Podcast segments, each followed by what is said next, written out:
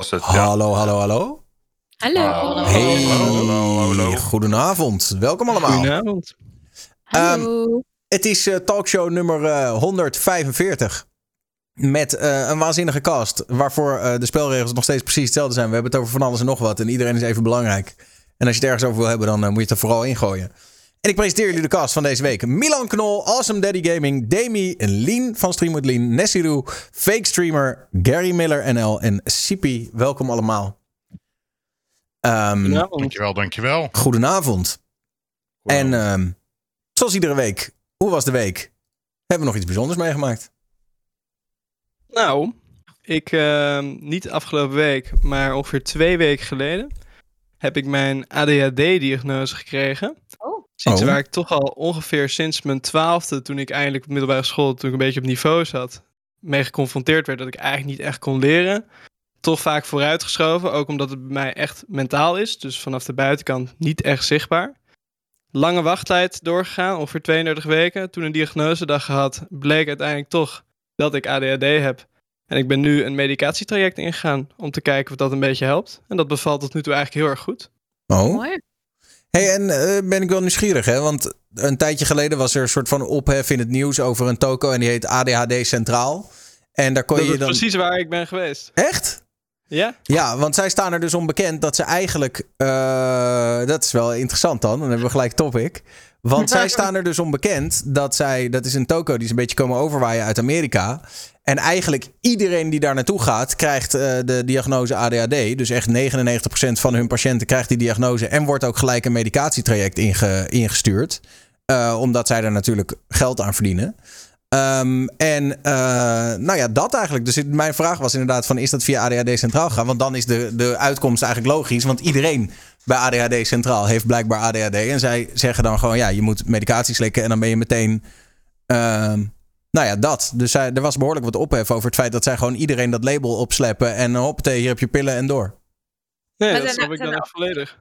Sorry, zijn er officiële cijfers of zo vanuit hun zelf dat dat 99% is? Of is dat... Nou, 99 is volgens mij iets overdreven. Maar je zou het onderzoek er eens bij moeten pakken. Maar eh, in ieder geval dat het grootste deel van de mensen... als jij daar komt met het idee van ik zou wel eens ADHD kunnen hebben... dan is de kans heel groot dat je daar weggaat met pillen, zeg maar. Ik vind dat best wel heftig eigenlijk. Ja. Want ik had ook eigenlijk, zoals ik Siep ken... had ik dat ook niet heel erg... vind ik jou ook niet een enorme ADHD'er, eerlijk gezegd. Nee, maar ik val natuurlijk wel onder de categorie ADD. Eh, in principe. Dus vanaf de buitenkant zou het in principe niet merkbaar moeten zijn. Maar mentaal is het echt behoorlijk druk. En als ik dus bijvoorbeeld zou moeten studeren. dan moet ik als het ware iedere 20 seconden mijn aandacht weer terugrichten op het studiewerk. omdat mijn hoofd weer af gaat dwalen. Dus dat is in principe vanaf de buitenkant niet zichtbaar. Dus ik snap die reactie echt volledig.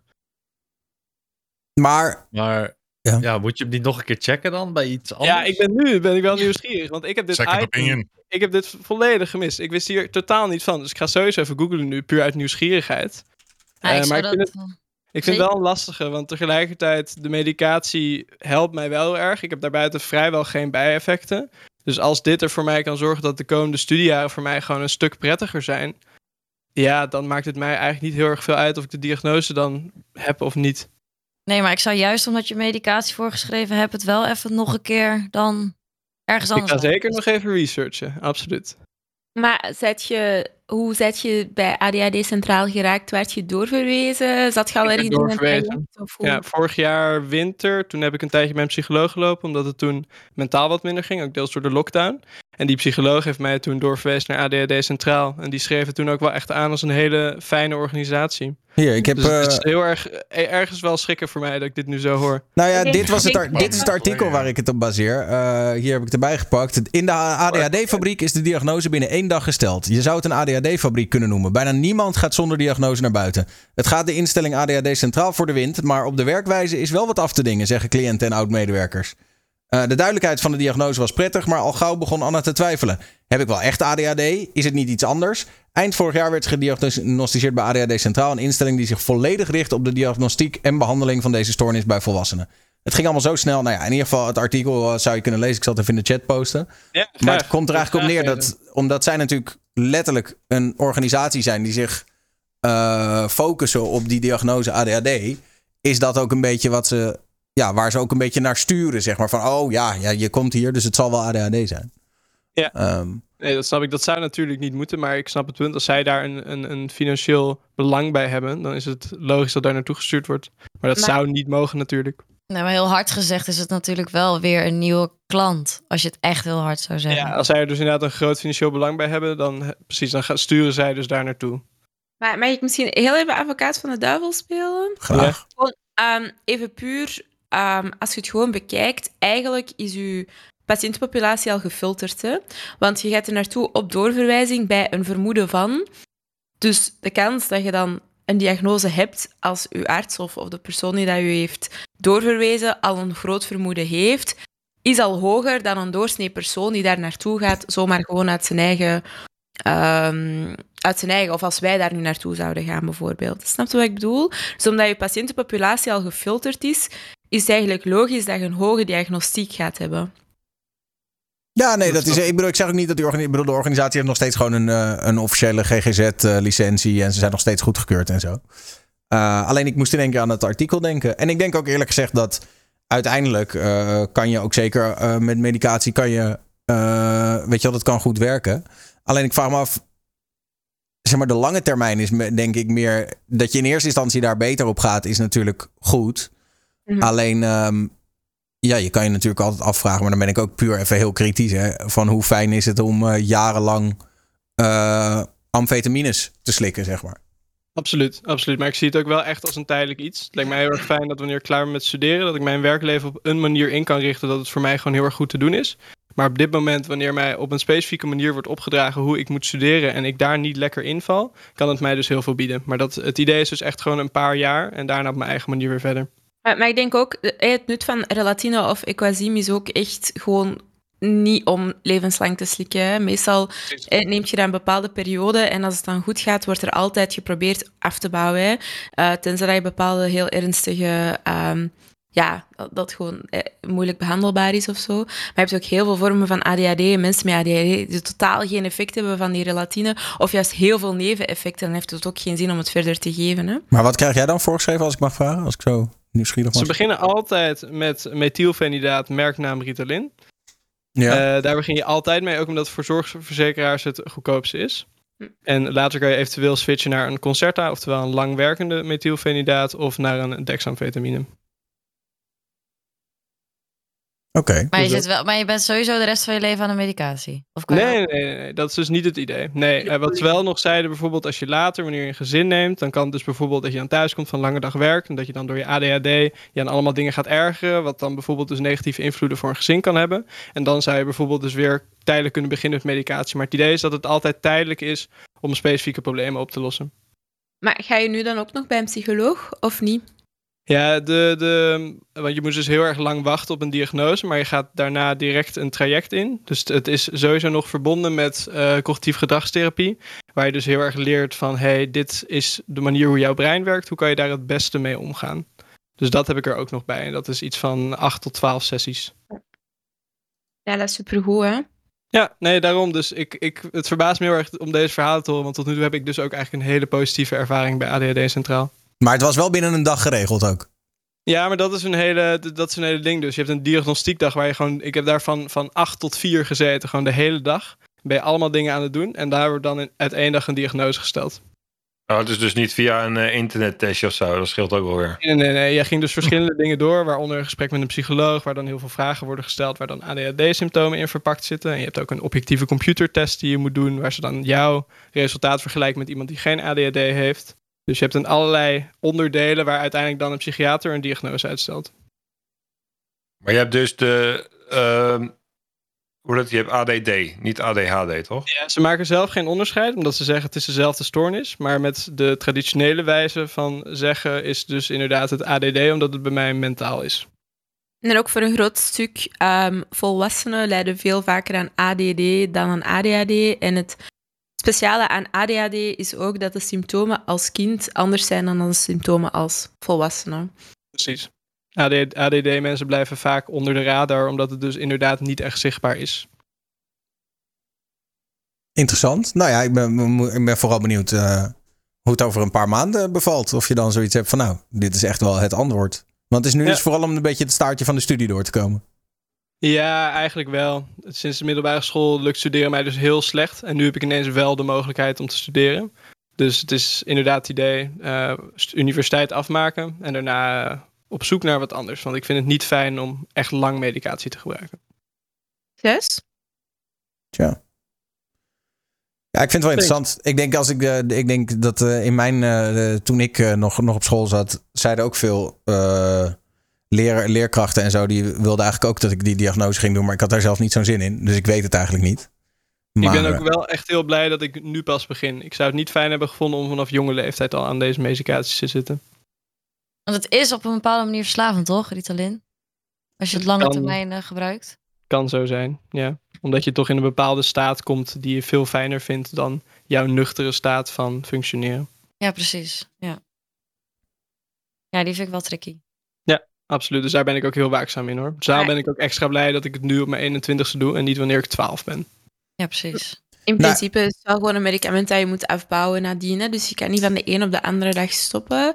Ehm, maar om er echt verslaafd... Allee, verslaafd is, is, vind ik, een heel groot woord voor, voor relatine. Ik denk maar dat relatine is dan, is, eh, we- dat, Dat is dat, hetzelfde. Dat is hetzelfde. dat is Dat eh, methylfenidaat. Ja, ja. Ehm, je, kunt, je kunt een bepaalde afhankelijkheid ervan hebben, maar dan wil dat heel vaak gewoon zeggen dat je het nog nodig hebt. Snap, snap je wat ik bedoel?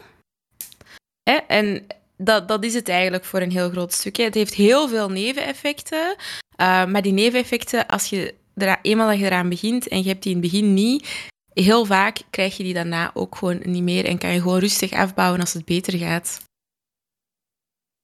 Ik heb bijna nooit een patiënt gezien die daar niet vanaf geraakt. Allee, ik heb dat, ik heb dat nog nooit gezien. Overigens is die dexamfetamine is wel iets heftiger alweer, want dat is eigenlijk gewoon speed, eh, maar dan anders.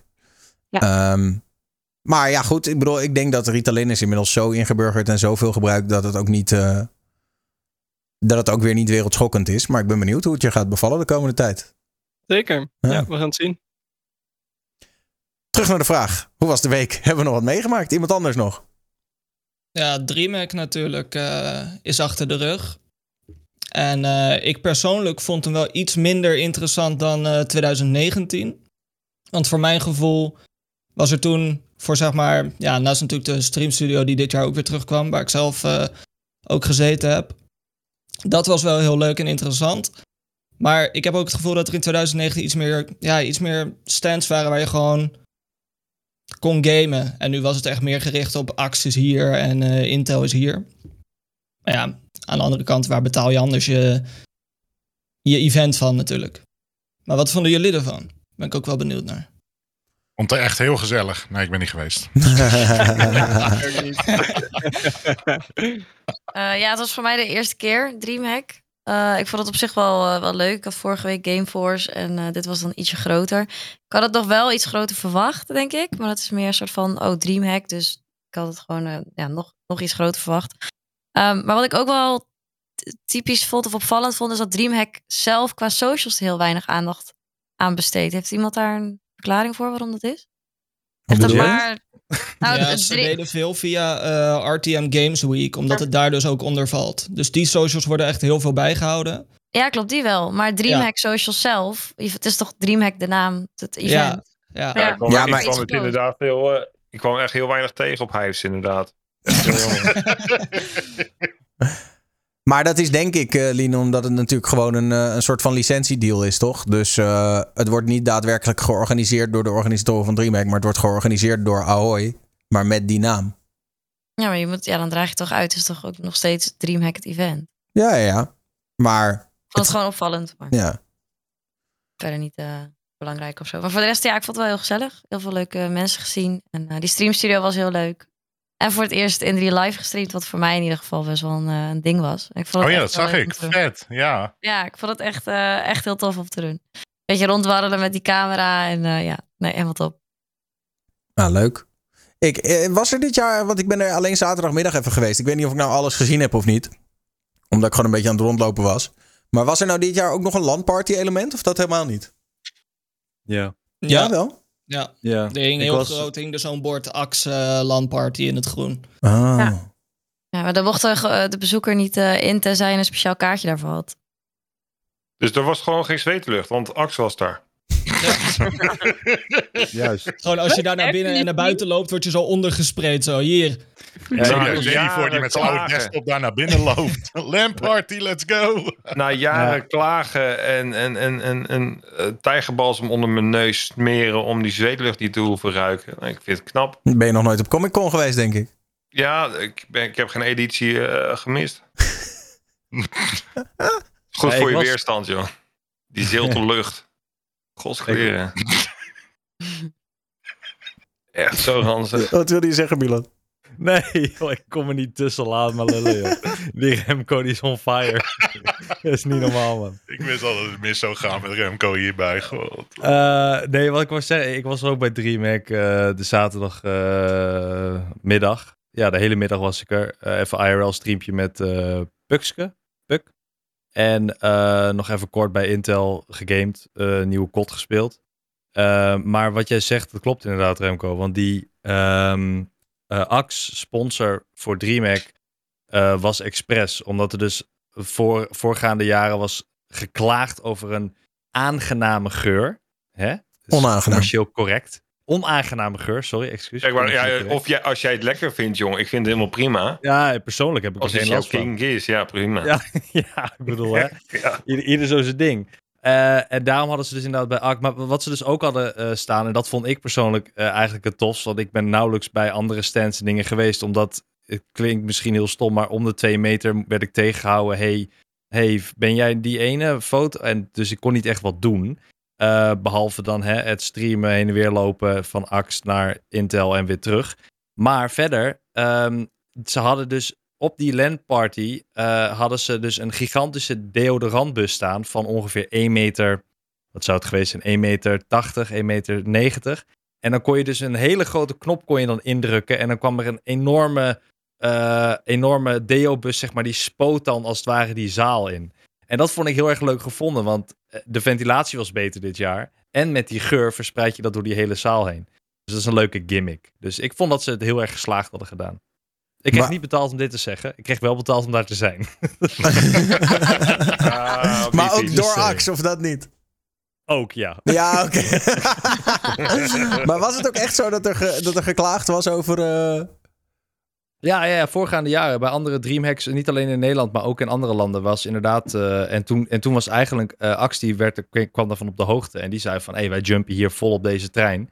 En wij gaan eh, gewoon het gaming-evenement sponsoren en iedereen eh, voorzien van, eh, van een lekker geurtje. Dus daarom Ja, maar zag het je hoort ook staan. Het hoort er toch ook wel een beetje bij, die zweetlucht, dat je binnenkomt in die hal en dan... Nee. Nee, maar dat is echt En denk, wel, ah, jongen. Oh, Even in de moed te komen weer. voor de dag. Ik ben weer thuis, weet je wel. Mij niet bellen voor dat, hoor. Ik ben weer bij Oh. onder mijn mensen. Nee. Nee, maar daarom was het ook dus apart. Dus dat, dat landparty, wat, wat, eh wat Fake Stream al zei, dat was echt een apart ding. Eh, en daar was het een aangenamer geurtje dan in de zaal zelf, vond ik persoonlijk.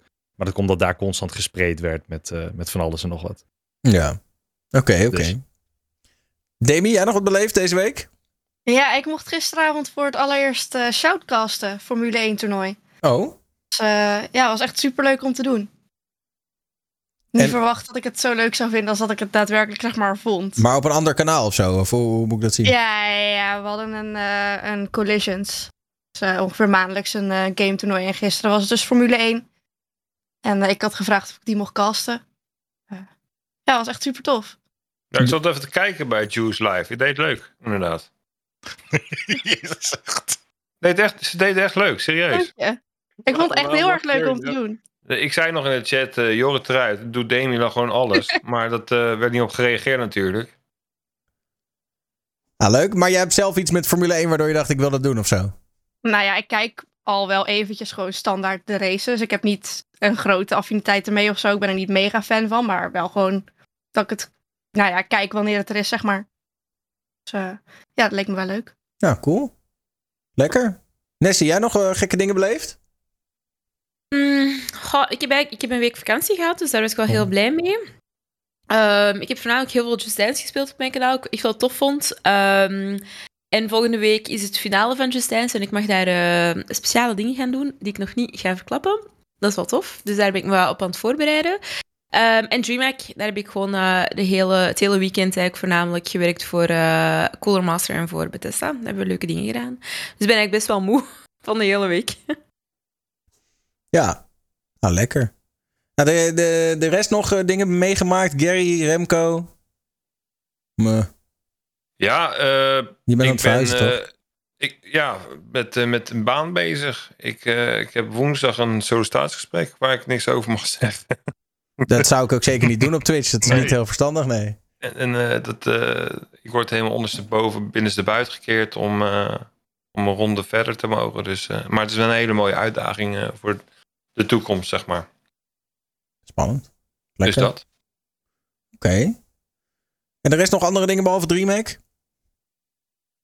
Ja, dat was vorige week toch ook zo'n event. Gameforce. Er waren Ja, twee ja. events achter elkaar of zo, ja. Gameforce België, was het. Gameforce Nederland en DreamHack erachteraan. Ja, precies. Nou, wat ik daar Ja. nog van mee heb gekregen is, er was een afterparty. En ik woon in Utrecht, dat was wel mooi. En ik was met Jill in contact van, ah, waar is de afterparty? Kom ik ook wel even joinen. En ik Je was niet daar naar het Puk- evenement, maar wel naar de Nee. after. Nee, oké. Nee, ik zat gewoon in Utrecht. En ehm, toen had ik Jill, waar zitten jullie? Oh, we zitten daar. Nou, ik daar naartoe. En ik zie eh Puck live en Almost Normal staan. Dus ik, eh, ik ga naar Puck van, hey. En die zit helemaal verbaasd van, waarom? Gary, jij Gary? Ik zei ja. Als me net een minuut daarvoor een bericht gestuurd. Hey Gary, we zijn in Utrecht. Daar en daar, kom je ook? En echt een minuut later stond ik voor hun neus. Echt die error bij hun in hun hoofd. Die dan zegt wat ben je er nu al? Snelste streamsniper van ja, Nederland, Ja, hè? het is net, nou ja, het is gewoon Among Us, hè. Gewoon venten die kant op. Ja. Lekker. Eh, ja. Aight. Ehm, Milan, jij nog gekke dingen meegemaakt behalve DreamHack? Nee, nee, ja, ik, ik heb eh, eh, deze week eh, officieel eh, een werknemer in dienst genomen en eh, contract ondertekend. V- Voor het eerst in 12 jaar. Dus Zo. dat is wel iets. eh, deze week getekend. Vanaf 1 oktober was hij al in dienst, maar deze week wel officieel. Dus dat is wel. eh, en ik, hoor, ik hoorde net Gary al almost normal zeggen, maar dat is de guy. Oh, Dus, serieus? Vet. Ja, Gaaf. Barend, ja, die, eh, die werkt sinds ok- 1 oktober bij, bij mijn bedrijf. En dat is voor het allereerst. En dat vind ik zelf heel spannend. Dat vindt hij heel spannend. Eh, en het was ook puur toeval. Want hij zou eigenlijk eh, eh, blijven bij het bedrijf waar hij werkte. En toen werd hij ineens ontslagen door bezuinigingen. En toen kwam hij via mijn manager bij mij. En toen was het van, yo, je, hij volgt mij al, al tering lang. En dat was de ideale guy om dan mij te helpen. Productief, ideeën, editen, video. Hij was ook de hele middag op, op, eh, op DreamHack om eh, ah, behind the scenes te filmen, te ondersteunen. eh, van alles en nog wat. Dus daar, dat is echt een aanwinst voor, voor mij persoonlijk, maar ook voor het bedrijf wat ik run. Want het klinkt stom, maar het is natuurlijk steeds een bedrijf. En ehm, ik merk gewoon dat ik productief veel meer, veel meer doe. Maar echt veel meer doe. Dus eh, binnenkort krijg je weer een invite Daniel voor een podcast. Eh, want de knolkast gaat eindelijk ook weer beginnen. Dus eh, ja, veel, veel drukker, maar leuker. maar hij zit ook echt bij jou op kantoor dan? eh 40 Eh, uur in de nee, week? Of hoe moet ik dat zien? Nee. Nee, absoluut niet. Man, daar moet je niet aan denken. Barend hier eh, elke dag. Eh, gek. Dat snap ik ook Nee, wel weer. Nou ja, die jongen is 1,20 meter, die zie je niet eens zitten, man. Die komt niet eens boven zijn bureau uit. Dat is wel waar, ja. Dat is wel waar. Nee, hij, hij, eh, hij werkt gewoon lekker vanuit thuis. eh, maar er zijn genoeg dingen. Het is eigenlijk twee of drie keer in de week dat hij toch wel of bij mij is hier om op te nemen of op locatie. Dus eh, er zijn genoeg dingen te doen waardoor hij niet alleen maar thuis hoeft te zitten. Maar het is voornamelijk op een beetje blind vertrouwen en hopen dat hij zijn werk doet. En we maken een checklist en als hij dat doet, dan ben ik al, dan ben ik al blij. Dus, Ja, je hebt er echt een goede aan, want Barend is echt een topgozer. Echt waar. 100%. Mee eens. Mee eens. zoek, zoek je nog een baan? Want dat was solliciteren hoor. Ik ben...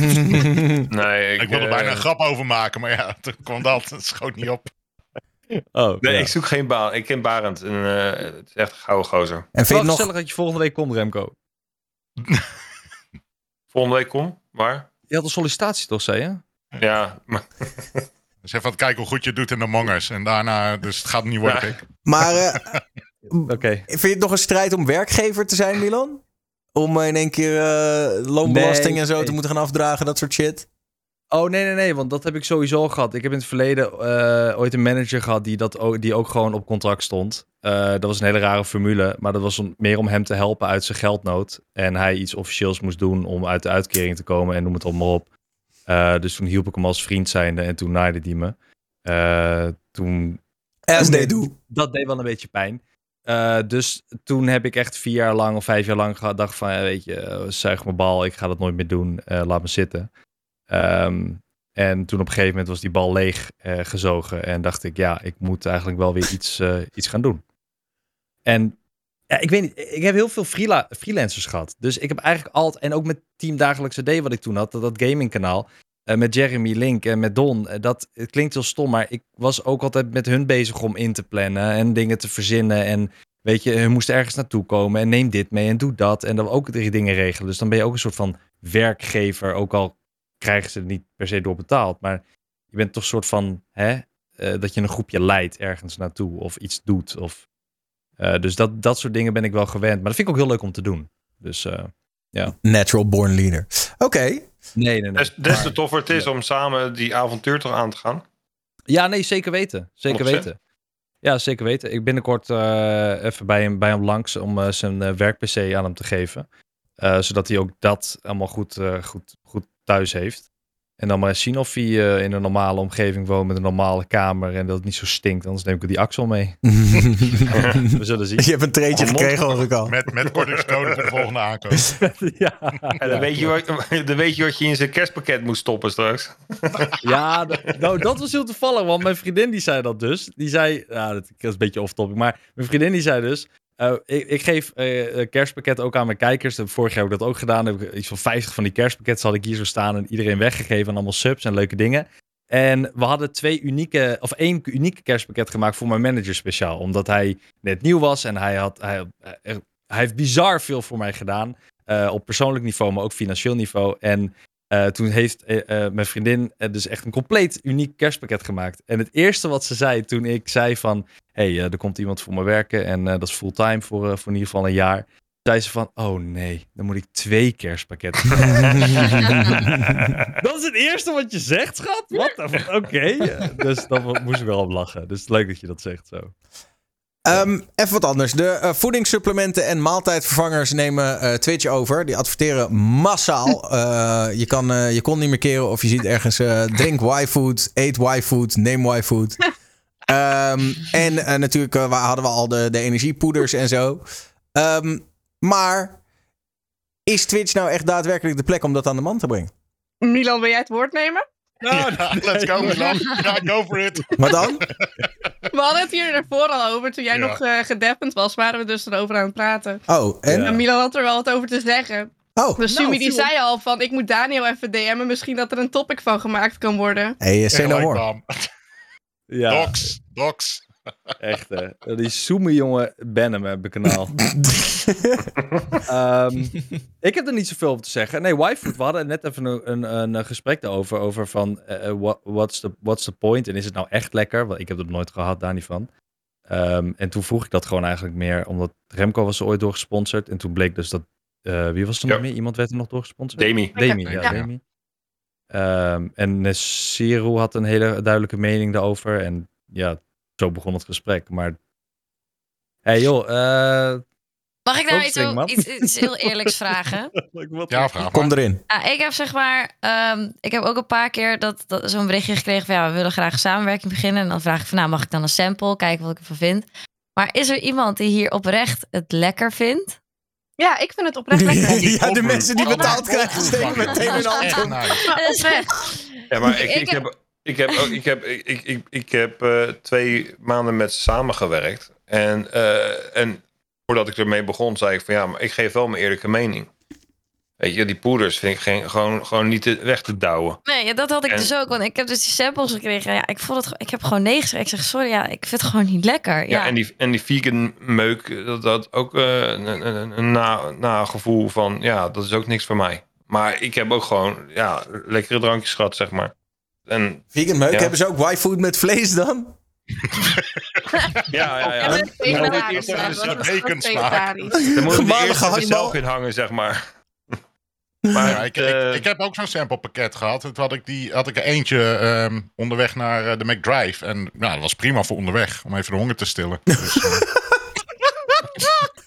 Nee, zit een smaak Onderweg naar de McDrive even twee Y-food wegklokken. en, En dan, dan nog de Mac. en dan daar nog weer honger hebben. en dan daarna denken, nou, kunnen we ja, nog even langs de er nog geen. Dus ja, Nee, de ene smaak is wel lekkerder dan de ander. Maar ik, ik heb nog geen smaak gehad waarbij ik dacht van... Oeh, dit vind ik echt... Heb je de pina colada geproefd? Die is Nee, die heb ik nog niet op. Echt heel smerig. Maar heb jij die was wel goed te doen, hoor. Demi, of heb je ze in flesjes? Ik heb alle flesjes. Ik heb eh, geen... eh niet die poeders. Oké. Daar ben Ja, ik ook mij zijn zelf de niet flesjes echt wel echt van. beter namelijk. Ja.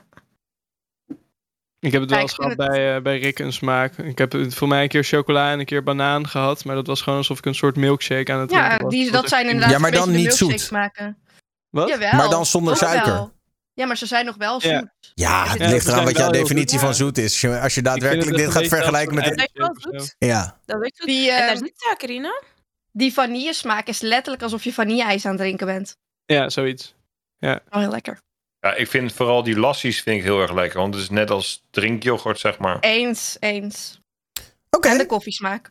Maar ik heb wel het idee dat echt, zij sponsoren echt heel veel mensen. Of zij werken echt samen Ja, met heel veel streamers. Hè, momenteel. Maar is dat dan niet ook... En nou ben ik even heel eh, gemeen, hè. Maar eh, is het dan niet ook weer zo'n typisch geval van streamers... die een beetje matige deals aannemen? Ik weet bij god niet wat voor deals jullie allemaal hebben, hè. Maar ik mag hopen dat jullie gewoon fucking cash in hand krijgen... en niet alleen maar zo'n kortingscode en dan 20% van de omzet Nee, of zo. nee, nee. Ik, krijg er wel voor betaald. Ja, geen affiliate deal. Ik heb ze de eerste keer ook afgewezen. Ik ga niet vertellen hoeveel. Mag ook niet vanuit het contract. Maar eh, ik heb ze de eerste keer afgewezen omdat ik vond dat ze te weinig boden. En toen zijn ze later teruggekomen met een, eh, nou ja, een betere deal. Waar ik, Ik wil wel geen contract voor meer werd. met ze. Wat Nee, ik ga het niet zeggen. Maar jij krijgt ook gewoon geld van ze. Niet meer. Ik ben hem, mijn- bij mijn community eh, sloeg het niet aan. Ze zeiden van eh donderstraal maar op. Want mijn community is wat ouder. En eh, er waren niet zo heel veel sales. Dus eh, toen zeiden ze van eh, sorry, we moeten mee kappen. En toen zei ik ja, prima. Dat snap ik. Oké, oké. Maar wel Ja, wel- gestuurd. Wel factuur gestuurd. Want eh, ik had, afges ik had een, eh, een x bedrag afgesproken per maand. En eh, die heb ik nou gewoon eh, verstuurd. En eh, hopelijk gaan ze snel betalen. Anders stuur ik het duur, deurwaarde op zaf. Nee. Ik hoop het ook voor. En dat? Oké. Nee, ik heb ook wel contact met ze gehad. Maar toen heb ik toevallig la- na, na een talkshow heb ik wat advies gevraagd. Omdat voor het eerst was dat zoiets bij mij gebeurde. Dat heb ik uiteindelijk een bedrag. Zo van, nou, ik wil wel dit doen voor dit. Dat was, oh, nou ja, misschien in september neem ik weer contact met je. Op Ja. nooit meer wat gehoord. Maar ik ik denk, vind, ja, en ik ken ook andere streamers die ook wel bedragen hebben genoemd, dit en dat. En denk, ja, Ja, maar ja, als ze, als, en als in één keer niet ja zeggen, dan 100% zit je al te laag dus. natuurlijk, hè? Als, als ze al in één keer ja zeggen, dan zit je al te laag, hè? Dat, Ik eh, heb van Daniel toen geleerd gewoon hoog inzetten. En 100%. dat, eh, ik had advies nodig ook van Don. Toen. Ja. Ik had Trek ze advies leeg. Nodig, maar eh, ja, ik zit, ik zit er ook niet per se op te wachten. Dus. maar ik vind, ik vind wel dat er een verschil is tussen bijvoorbeeld een product zoals Y-Food en zo andere energy drinks zoals er, ja, Red Bull, Monster, Calo, whatever. Ik vind dat toch nog een verschil. Want mijn grootste probleem met Y-Food is gewoon hun advertisement. Ik heb in Rotterdam nu heb ik echt een, een super grote affiche gezien, waarbij dat ze gewoon gedrukt hebben, zo van ehm, eet en dan eh, door. Ja, ja, En dan- drink. Ja. En dan dacht ik Ja. echt, what the hell? Wat die ook bij alle bushaltes hier Maar in dat is Utrecht ook- bijna. ik vind dat echt zo ongezond.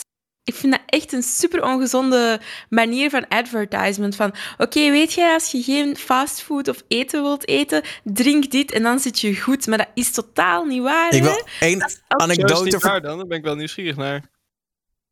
Wat? Hoezo is het niet waar? Want in principe, ze Er zitten, adverteren... vij- met- kijk, er zitten 500 calorieën in, in een flesje. Hè? Ja, Doorsnee maaltijd is meer dan 500 calorieën. ja. En hoeveel keer per dag eet jij? Drie, meestal, toch? Als je Oh, drie iets maaltijden eet en je zegt, oké, weet je wat, ik heb geen tijd vandaag, ik ga drie Y-foods pakken, dan heb je 1500 calorieën binnen. Als je per dag één maaltijd vervangt door Y-food, dan zit je in een permanent caloric deficit. Dat is gewoon niet gezond. Plus, er zit te veel vet in, te veel proteïne en te weinig suikers, wat maakt dat je gewoon alles in disbalans Net zat er krijgt. nog heel veel suiker in, I don't believe. Ja, nee, 6,- 6,4 pro- eh, 6,8 gram zit Ja, erin, nee, wat dus 3% is van die recommended intake. Hè? Dat is gewoon, dat is veel te weinig. En als je niet weet hoe dat je dat in je dieet moet invoeren, dan zit je gewoon bij heel veel nutriënten te weinig. En wat dat zij zeggen is, kijk, wij zitten in alle nutriënten goed, we hebben keiveel vitamines en keiveel mineralen. En dan denken mensen, oh ja, vitamines en mineralen. Maar dat, als je geen deficiëntie hebt, heb je dat ook gewoon niet nodig in extra, snap je? En dan krijg je dat via een gewoon normaal gebalanceerde voeding. En ik denk dat anders dan drink eens een keer een callo of zo om wakker te blijven. Of drink eens een keer een Red Bull. Maar ik vind dat echt anders. En ik denk ook dat kouwen ook wel belangrijk is, zeg maar, gewoon voor je. Ja, maar Y-food is ook geen energy drinken, hè? Nee, het wordt daarmee dat ik zeg weggezet dat je dat een niet vergelijken Ja, met elkaar. kan niet vergelijken met de Red Bull natuurlijk. Nee. Want het is een, het is een, het is een aanvulling voor, voor een maaltijd, zeg maar. Ik gebruik het vooral voor ontbijt, omdat ik... Ik krijg geen, ik, ik krijg geen boterham door mijn keel s ochtends, maar Y-food ging er wel in. En nou ja, dat werkt dat is gewoon ook ik prima. het zou gebruiken inderdaad. Als, toen ik nog naar de, de Unie-race ochtends vroeg, had ik ook nooit zin om te ontbijten. En dan was een flesje in de auto echt perfect geweest. Want dan had ik, anders had ik helemaal niet ontbeten. En nu ge- gebruik ik het gewoon tijdens de stream. Ik ga niet op stream zitten eten, dat vind ik, dat vind ik naar, zeg maar. Maar zo'n flesje is ideaal, want ik krijg wel trek als ik vier Want ik krijg wel betaald. Ja, maar ja, er- is er er dan mis met een, eh, met een Maar ik snap, ik, waarom, ik snap waarom dat mensen dat, dat drinken. Da- daar gaat het niet om. En ik, het, mijn kritiek is ook niet naar jullie toe die het dan adverteren. Mijn kritiek is naar hoe dat zij Mhm. Zichzelf profileren als brand. Gewoon de naam, waarom eten. Ik vind dat gewoon raar. Oké. Dat is mijn mening daarover. Helder. Laten we naar een eh, andere eh, offensive topic. Eh, dit gaat over een moeder en die sprak zich uit in de krant deze week. Die stond in de, op de vrouwpagina van de Telegraaf. Haar naam is Hanneke. Ehm, en haar dochter van 14 was naar haar toegekomen met de vraag: Mam, mag ik aan de pil? En in plaats van dat Hanneke zoiets had van: eh, Oké, is goed, schat, hier veel plezier. En eh, misschien een stukje voorlichting. ze- Heeft die moeder gezegd: Nee, dat mag niet, want ik vind je te jong voor seks. Eh, en nu is mijn vraag: wat vinden jullie van de actie van die moeder? Je zei een krant, Ja, toch? want een condoom kan je niet pakken dan. Een krant is eigenlijk een nieuwsmedium die ik wel ken, in plaats van die TikTok en zo. Dus eh, ik ga er even voor zitten. Waarom spreken mensen die TikTok niet gebruiken het ook altijd op zo'n manier uit? Ja, waarom? Dit is ook echt die. Remco, je bent echt de boomer shit aan het poelen. Ja, Niet normaal. geweldig. Maar goed, geef je boomer mening over dit boomer topic. Hoe oud, dat, hoe oud was Het meisje is 14 en ze wil graag aan de pil, maar haar moeder vindt haar te jong voor seks. En dus zegt die moeder: nee, mag niet. Ja, maar ik ken ook heel veel eh, jonge meiden die de pil slikken om een regelmatige menstruatie te krijgen. Ja, maar het was wel. 100%. Ja, oké, maar. En het hoeft niet gelijk eh, te zijn van, yo, je slikt de pil, ik laat gelijk de halve buurthuis over me heen eh, glijden. Nee, ik zal nog een beetje context geven. Ze, had een, ze heeft een vriendje en die zijn al een paar maanden samen. En ze heeft het gevoel van: dit is wel de one. Dus het. Ah, Ja. oké. Oké, maar hoe meer je dan als ouder zegt nee, nee, nee, hoe meer het kind het wil, toch? Ja, Ja. sorry, maar dan, dan communicatie. kopen ze een condoom bij de kruidvat en dan ja. Ik vind dit heel vergelijkbaar met tegen je kind gewoon zeggen: eh, doe geen drugs. Waardoor je eigenlijk gewoon enkel de, de mogelijkheid tot communicatie verliest. Meer is het niet, want in, in het gedrag gaat waarschijnlijk niks veranderen. Gewoon heel dom van die moeder. Eens. Ja, nou ja, weet je, het is... eh, ja. als het mijn dochter zou zijn, had ik gezegd van... eh, ik heb het liever dat je het hier thuis doet dan, eh, dan buiten het huis, zeg maar. Wat de pil En, eh, seks? maar, nee, dan gewoon seks, weet je wel, aan zich. Oh. Of, of, of, of als, ze, als, ze, als ze zouden willen blowen, willen uitproberen, dan moeten ze dat, wil ik dat liever dat we, wij erbij zijn dan, hè? Niet, de seks niet. Niet, zo naast staan. Ja, is goed zo. niet de seks. Nee, niet de seks, want dan, Dan- bezig, pik. Wat ja. Papa, mag ik bij de Jumbo werken? Nee, neem een Olifants. Nee, nee, nee, dat niet. Maar ja, weet je, een, een meisje van 14, ja, die is natuurlijk minderjarig. Maar ik vind wel dat, dat een moeder niet het recht heeft om de pil eh, te mogen ontzeggen, toch? Ja, kijk, aan de ene kant denk je, ja, een, eh, ouders hebben altijd eh, het gezag totdat het kind volwassen is. Ja, Maar met dat, dit soort dingen, zeker. Met dit soort dingen, omdat wij juist hè, de mogelijkheid krijgen tot al deze informatie online en ook steeds jonger dit soort dingen doen, überhaupt hè, seksuele fantasieën kunnen uiten of kunnen bekijken of wat voor manier dan ook. Sna- snappen wij, denk ik, de meeste, de moeder niet, omdat ze zoiets hebben van, yo, eh, hallo, dat is niet heel gek of zo. Dus maar Nou wat is de achtergrond van de moeder? Is ze gelovig? Is... Ik kan eh, haar moeder op zich best begrijpen dat ze zou zeggen dat ze haar dochter te jong vindt voor seks. Maar ik vind het geen reden om de, de pil zeg maar te ontzeggen. Want ongeacht of ze die pil krijgt of niet, ze gaat het waarschijnlijk toch wel doen. Ja, ik wou net zeggen, hij jankt Dus hem je er kun je gewoon beter in gewoon hoor. die pil geven. Ze, ze gaan het gewoon doen. Ze, Ja. Je kan beter dat eh, veilig, veiliger, nog veiliger doen. Want je moet natuurlijk altijd zeggen van en de pil en de condoom en weet ik wat allemaal. Ehm, Ik ik wil, eh, aan het- het kijken, omdat ik er eigenlijk vrij zeker van ben dat er een soort van eh, leeftijdsgrens is, waarbij dat je dus eigenlijk gewoon zelf aan je dokter kan vragen voor een voorschrift van de pil. Want natuurlijk hè, hebben je ouders zeggenschap over u, maar hoe ouder dat je wordt, hoe meer zeggenschap dat je in bepaalde dingen zelf hebt. Maar ik durf de leeftijdsgrens... 16 in Nederland volgens mij. Ja, Vanaf je 16e Maar even los daarvan. Ik bedoel, het gaat meer natuurlijk om. Eh, want uiteindelijk, linksom of rechtsom, als ze echt per se aan die pil wil, dan ko- komt ze er waarschijnlijk wel aan. Eh, alleen, eh, ik ben het wel eens met Sipi dat ik denk dat het een beetje stom is om als ouders, zeg maar, zo in de tegenreactie te schieten en zeggen: nee, dat mag Ja. niet. Bla, bla, bla, wa- waardoor je inderdaad eigenlijk alleen maar een soort van in de hand werkt dat het in het geheim gaat gebeuren. Ja, ja, ja, absoluut. Maar ik denk dat dat een fout is die gewoon heel veel ouders maken, puur uit angst. Hè, om, Ja, om voor een stuk, een groot stuk om hun kinderen te beschermen. En dan, ja, als Ja. puntje bij een paaltje komt, dan is het, verschieten ze vaak. Is dat dan niet gewoon het moment dat je met je kind praat over seks, de bloemetjes en de bijtjes en weet ik veel, en dingen uitlegt? Ik bedoel, een, Dat is wat, wat ze zouden moeten doen, ja. Maar Ja. Lijkt mij, ik bedoel- Uit angst. Ja, je hoeft het zelf niet meer te doen. Tegenwoordig zet je gewoon een YouTube-filmpje aan op YouTube Kids of zo, weet ik veel. Dan, eh, dan krijg je gewoon voorlichting. Hoef je zelf toch niet meer te doen. Kom. Ik, ik las nog een ander artikel Nee, trouwens, ook op die, die vrouwpagina. En daar ging het over dat, eh, zeg maar, bij de eerste keer seks, dat, dat tegenwoordig natuurlijk alle seksuele voorlichting via de hub eh, geschiet. En dat, eh, volgens mij was iets van de, de, de, de, de, de titel van het telegraafbericht was... ik dacht dat ik in een pornofilm was beland. Hij, hij spuugde in mijn mond. Eh, dat je Ja, denkt, ja... De hub is ook wel, de hub is ook wel Ja, maar-. Dan komt je zoon Een opeens met een, wel, pizza, met een pizzadoos met een gat erin komt hij binnen. Wat ga jij doen dan? Ik ga naar de buurmeisje. Ik denk bij jezelf, ja, wat is, de, hub is toch geen goede referentie, kom op. Nee, maar dat is wel heel eerlijk. Ik loodgieter worden. Tuurlijk niet, maar heel eerlijk, dat is wel hoe de meeste jongeren, denk ik, toch hun seksuele voorlichting voor een groot deel krijgen. Ik bedoel, Ik ja, denk- Ik denk voor een groot stuk hoe, hoe dat het moet. Snap Ja. je? Hè, Of wat de Ja. verwachting is of zo. Zouden jullie dan voorstander zijn van meer normale seks in, in andere dingen laten zien? Dat bijvoorbeeld vaker in, in films ook voor jongere leeftijden voorkomt. Dat je dus op een normalere manier in aanraking met seks zou kunnen komen?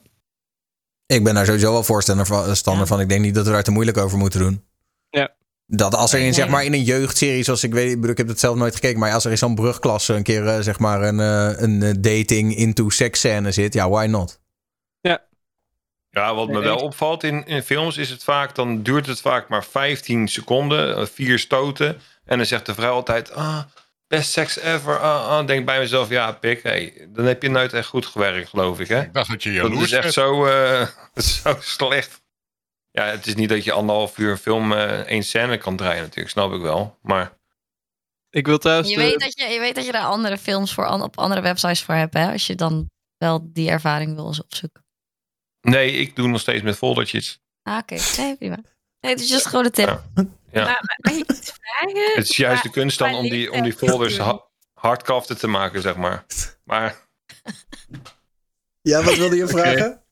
Ik wil gewoon vragen wat jullie mening is qua, qua, qua leeftijdscategorie. Want hè, in, in, in dit voorbeeld is dit meisje 14 jaar, maar vanaf wanneer denk je, hè, stel dat je nu een dochter of, of een zoon hebt, van, vanaf wanneer zou jij dan zeggen van oké, het is goed, eh, doe het maar bij mij thuis of zo. Allee, snap Maar- je? ja, Maar dat is een de- vind ik de een hele leuke vraag voor Daniel. Die heeft net een, hè, een kleine. Ah, Ja, ik, heb, ik, ben, kijk, ik ben een hele liberale vader wat dat betreft. Ik heb zoiets van, eh, als hij het idee heeft dat het goed voelt. Alleen ik denk dat, het, eh, dat je hem soort van... Ik zou, ik zou mijn zoon eh, een beetje de... Ik vind het nog steeds raar om te zeggen trouwens, mijn zoon. Maar het is wel wat het is.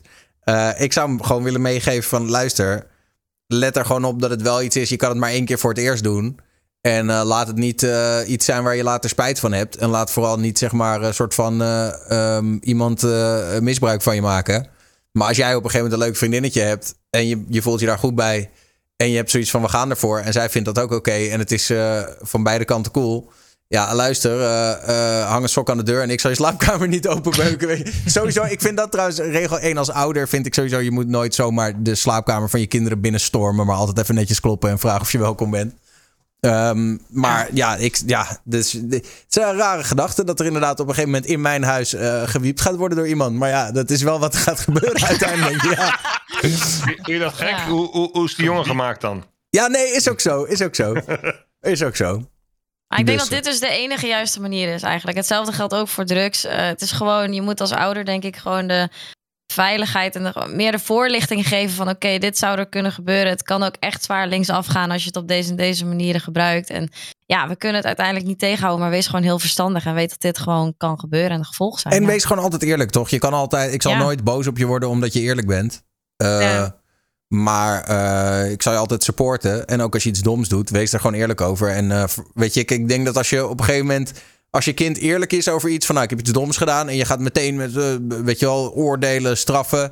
Ja, dan werk je ook in de hand dat je kind volgende keer niet meer eerlijk gaat zijn, toch? Denk, je- denkt hij ook wel, ja, ik ga het nog een keer aan mijn pa vertellen. Ik Gaat Ja, hij weer, maar- gaat, maar- wordt hij weer helemaal lijp.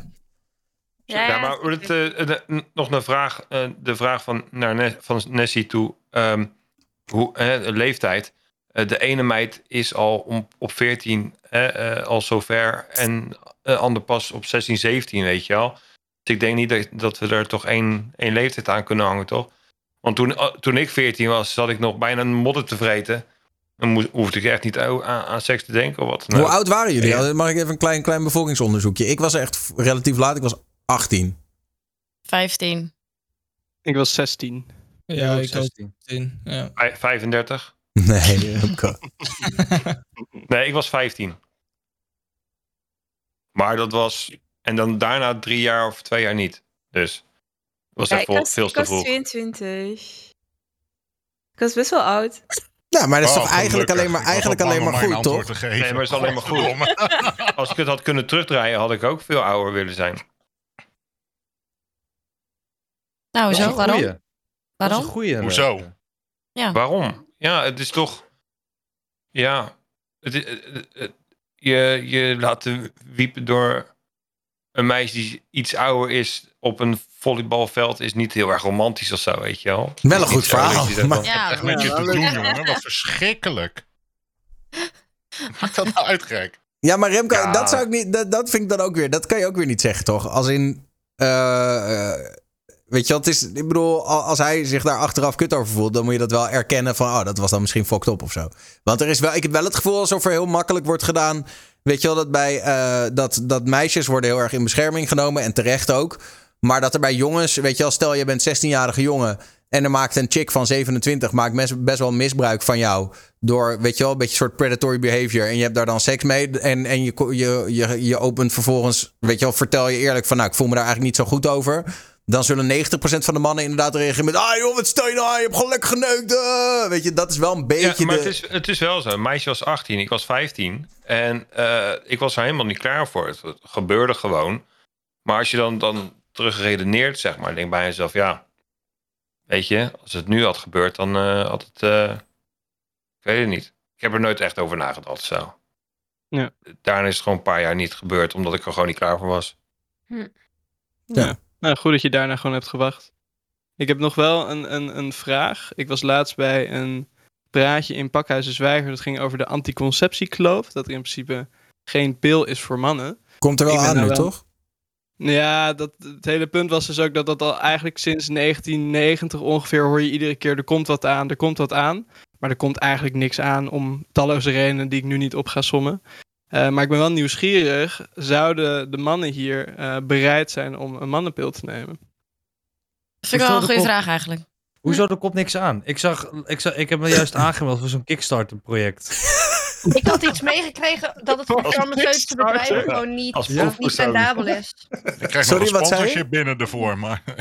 Ik had gehoord ik dat ben het voor, alpha-tester. Wacht even, laat Demi even, jongens. Dat het Sorry. voor eh, farmaceutische bedrijven niet rendabel is om, eh, om eraan te beginnen. Het hele onderzoek en de marketing. En het is niet redenen, rendabel. Inderdaad. Klopt. Omdat, had- omdat er dus te weinig mannen het gaan doen? Of... Ja, het, het, het is sowieso omdat er een hele markt voor vrouwen is. Dus die wordt dan verstoord, omdat dat deels geshift zal worden. Ten tweede is een mannenpil ontwikkelen veel ingewikkelder. Omdat bij een vrouw moet er één eicel per maand gestopt worden. En bij een man zijn het miljoenen zaadcellen. Eh, dan zou het nu, volgens mij het beste wat ze op dit moment hadden, was eh, een injectie, een soort, soort pil in je arm die dan hormonen afgeeft. Die moet iedere twee jaar vervangen worden. En dan nog iedere drie maanden ook een prik met hormonen die je dan moet nemen. En daar zou toe zijn gewoon veel minder mensen bereid natuurlijk. Hm. En zo waren er nog een aantal redenen. Ik ja, maar denk, ja, als wij als man zijnde een, een pil in een stripje krijgen, dan eh, zijn we binnen een week af. Want ik vergeet de helft gewoon.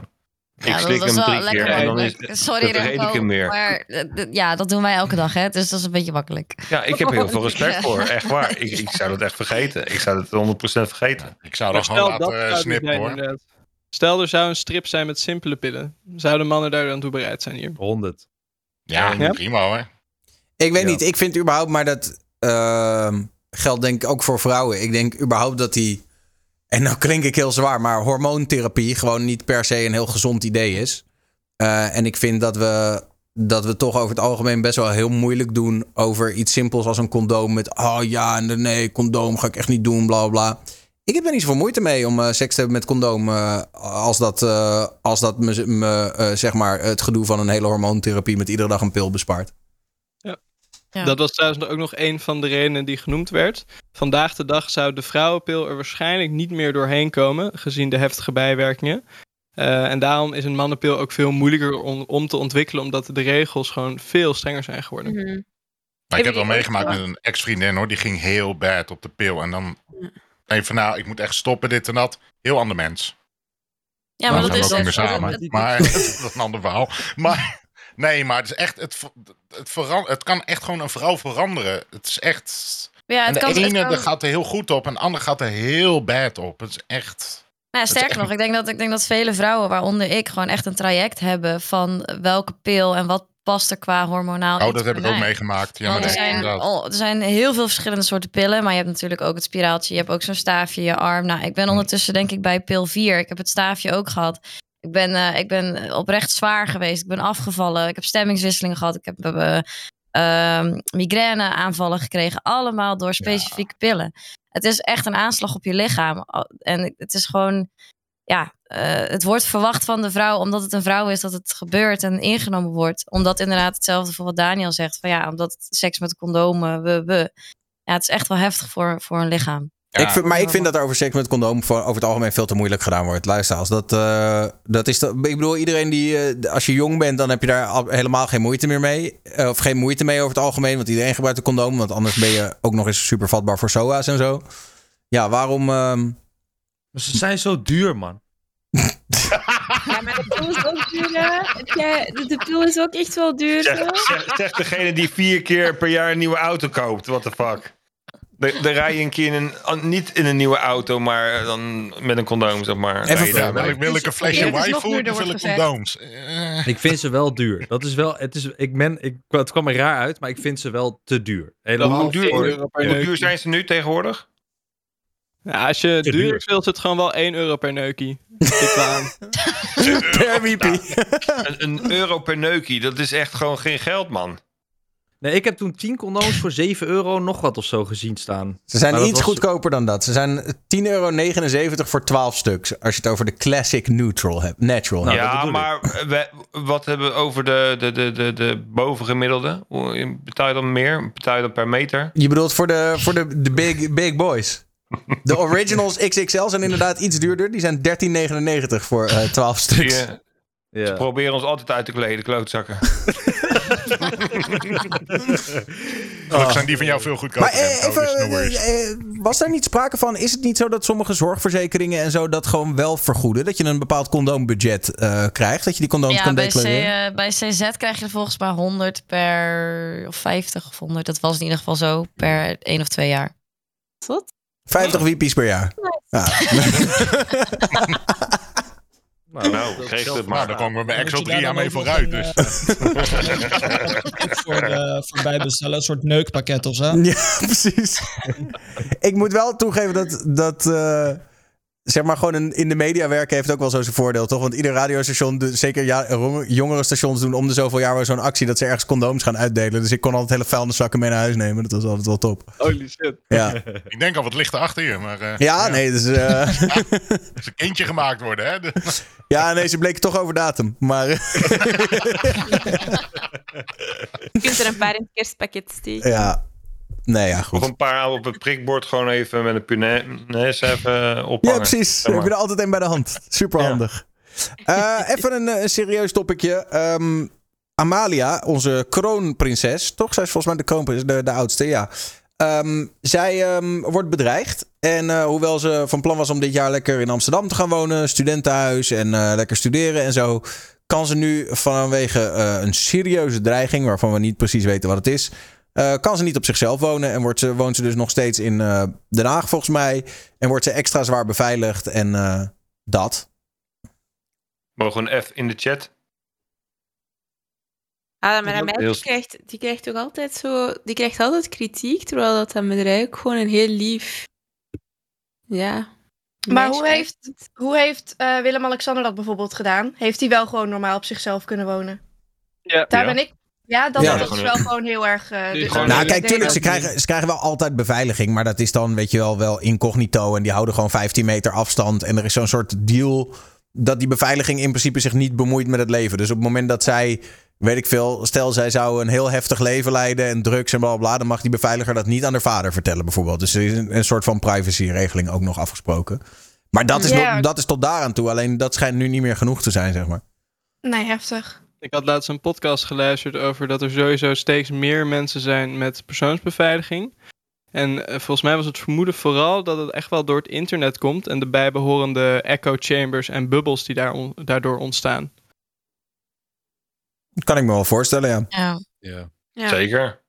Hebben jullie sowieso niet het idee dat iedereen de laatste tijd maar gewoon boos is op alles en zagrijnig en Ah, iedereen ja. heeft op alles te klagen, niks is goed en het Ja. is gewoon Ja, maar dat is de afgelopen twee, drie jaar. En op een gegeven moment werd het gelabeld op van corona, eh, hysterie. eh, er was dit weer, was dat weer. Nu is het weer de energieprijzen. Iedereen is altijd boos. Dus inderdaad, je hebt wel gelijk. Ja, maar het is, het is echt nog, en ik snap het al, want inderdaad, al inflatie en alles is echt heftig geweest. Dat is ook echt zo. Maar mensen reageren het op elkaar. Dat vind ik zo zonde nu.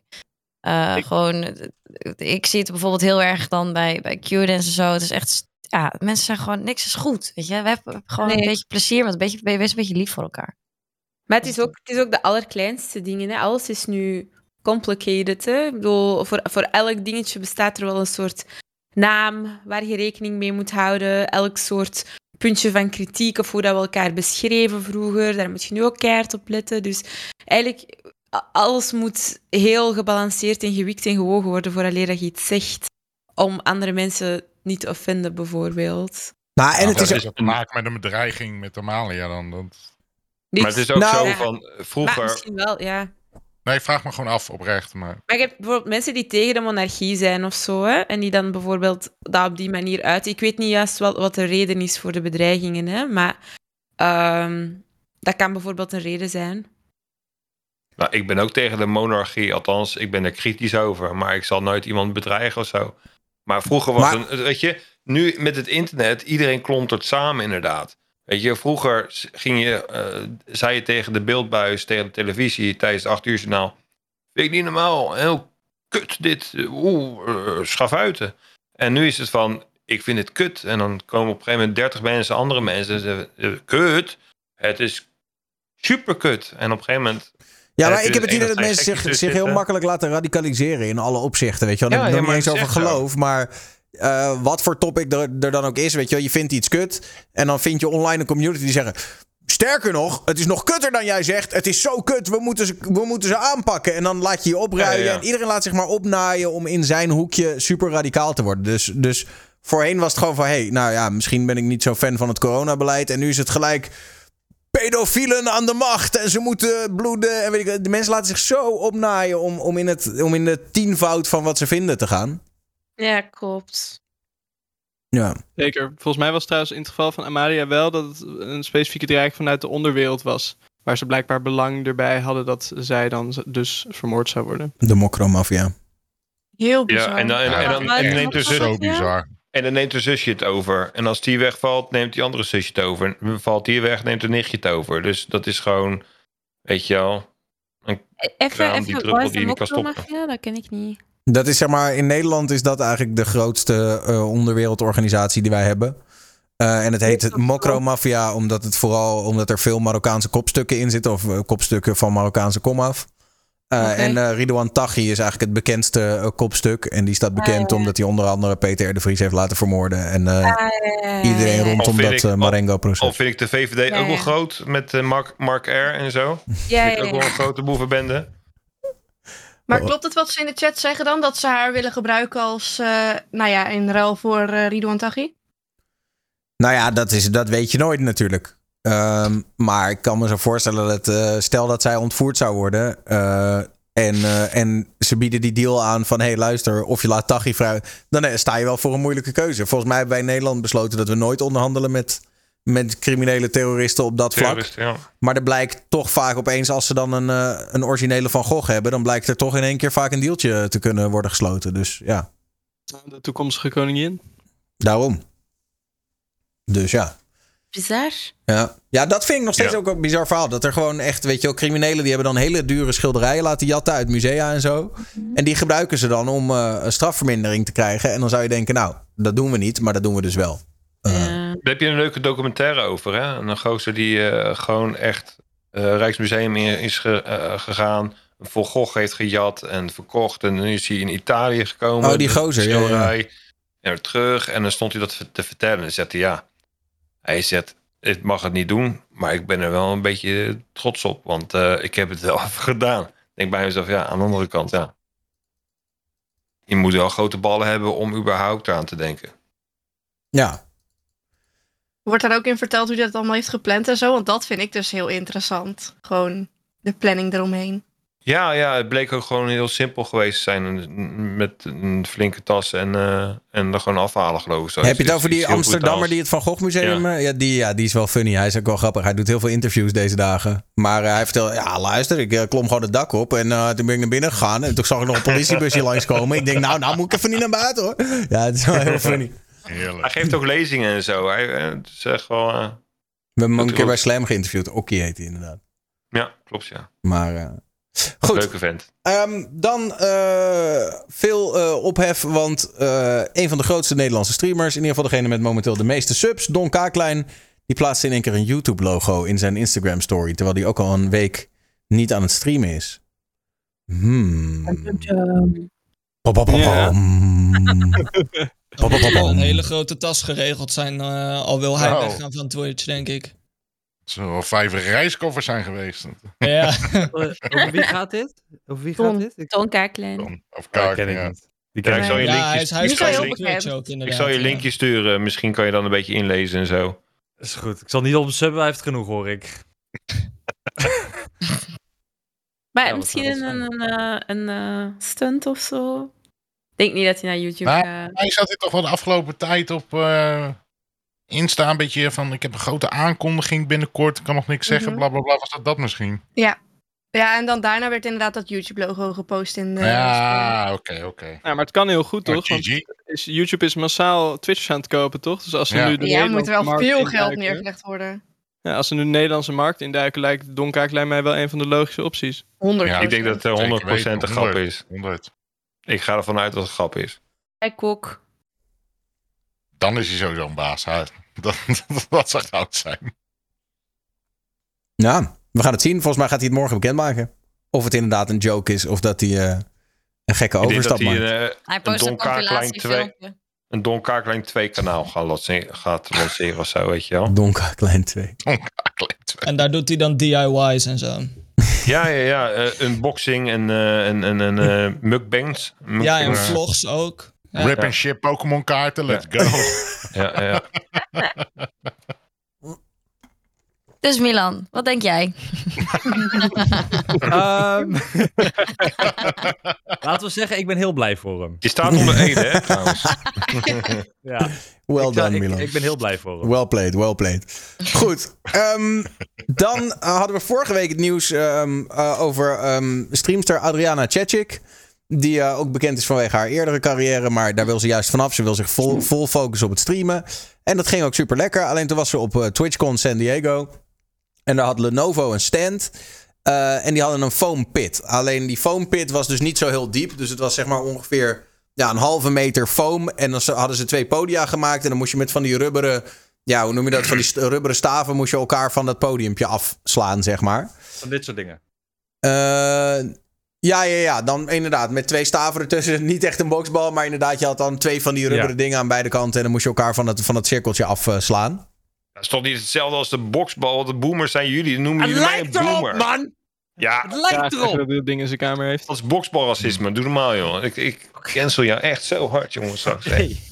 Anyway, zij denkt op een gegeven moment: oké, eh, battle gewonnen. Ik spring die foam pit in. En ze heeft nu. eh, we, wisten al dat, eh, we wisten al dat het verkeerd was afgelopen. Maar nu blijkt dus dat ze de rug heeft gebro- gebroken op twee plaatsen. Dat ze een ruggenwervel heeft verbrijzeld. En eh, dat ze eh, nu opnieuw moet leren lopen na het hele TwitchCon-incident. Serieus? Wauw. Oh, bizar. Jezus. Ik heb dat filmpje Oh. gezien, ja. Dat was niet heel best. eh. Ja, maar het, het filmpje vond ik er niet eens heel heftig uitzien. Nee, ze had maar er zelf in de eerste 10 seconden ook nog geen last van. Totdat ze niet meer omhoog kon komen. het filmpje van eh, afgelopen week was eh, best heftig. Het is een filmpje vanuit het ziekenhuis. Ik zal het even Mhm. laten zien. Ehm, hier moet je checken. Dat is dit. Oh Good job. Oh, Jesus. In your nose, out through your mouth. Really concentrate on your breathing. Sorry, I'm just covering your toes here. More pain, less pain, the same when you're standing. Um, a little bit less, but burning more. Okay. It was good to see you up. Can you do a little march? Ja, ze heeft dus meerdere metalen pinnen zijn in de rug geplaatst. Ze heeft dus één verbrijzelde ruggenwervel. Ja, en ze moet dus echt eh, helemaal opnieuw eh, eh, leren lopen. Het is Ja. echt heel heftig. Had al een keer de rug gebroken, toch? Dat weet ik niet. Ik, ik had het ergens gelezen dat ze al een keer de rug had gebroken of zo. Volgens mij niet. Maar het is, het, het, is het, eh, eh, het is Amerika, dus wie is hier nu... Wie gaat nu betalen? Wat, want het, ze gaat sowieso iets... Want Ja, Ja, dit, dit vroeg ik vorige week ook. Maar toen zei Daniel, Twitch zal wel verzekerd zijn. Maar Nou het is inderdaad Amerika. Dus De- ik denk, ik denk Ja. dat er sowieso wel iemand verzekerd is. Maar eh, de, dit, los van de verzekering, nu dat ik zie dat het inderdaad zo erg uitpakt. Denk ik dat er misschien ook nog wel een rechtszaak overheen komt met een schadevergoeding. En, eh, heeft, Ja, ja. Twitch al, heeft Twitch al een statement eh, of iets naar buiten gebracht? nee, maar je weet ook niet of het echt Twitch is of, of dat Lenovo aansprakelijk wordt gehouden. Hè? Want het was hun stand natuurlijk. Ja, dan denk ik eerder Lenovo. Omdat hun hebben waarschijnlijk ook die foampit gevuld. Ja, of misschien Dus- de standbouwer van. Je weet niet precies welk bedrijf daarachter zit. Oh, maar ik denk ja. wel dat iemand moet gaan. eh, of de stagiair van de standpower. en dan zo weer doorschuiven tot... ja, Oh, dan heb je een slechte werkdag hoor. de, de, de die is schuldig. de Ja. foamblokkenmaker. Maar ik denk wel dat er iemand uiteindelijk, in ieder geval die medische kosten, moet ze toch wel ergens kunnen verhalen. Want in Amerika Ja, hebben we het hier wel, over, ja. eh, we hebben het hier sowieso over twee ton aan eh, medical bills waarschijnlijk. Absoluut. Ja. Zeker met de aanklaagcultuur ook nog daar. Maar ik vind het wel echt bizar. Hoe heeft dit fout kunnen gaan bij die foampit? Zijn, maar- maar het, veel, het was veel te laag en zij had misschien een gedachte dat het toch niet zo laag zou zijn, dus die is daar los ingesprongen en die is gewoon fout. fout maar de vloer zat heel... Ja. de vloer- maar er zat Ja, maar het was echt heel ondiep. Het was echt ondiep. En ze sprong. En je ziet Ik kan, het nog een keer, ik kan het incident nog een keer laten zien. best. Als je het niet wil zien hoe het precies ging, dan moet je nu even wegkijken. Maar dit is wat er gebeurde. Ja, het, valt- het is niet heel heel pijnlijk hoor. Het valt, op- kijk, Het dit is het. Dit was het. dat die foam, ja, ja, je, je zag gewoon dat die foamblokken niet te Niet eh, diep genoeg te- Nee, Ja. niet, nee. Ik dacht dat het aan de blokken lag, maar het is dus gewoon de vloer die veel te laag is. Ja. Ja. ja, maar ja, als je het ook kijkt met de gedachte van... In feite springt ze gewoon vol op een betonnen vloer. Ja, Dat is Met een stuitje, ja. ja.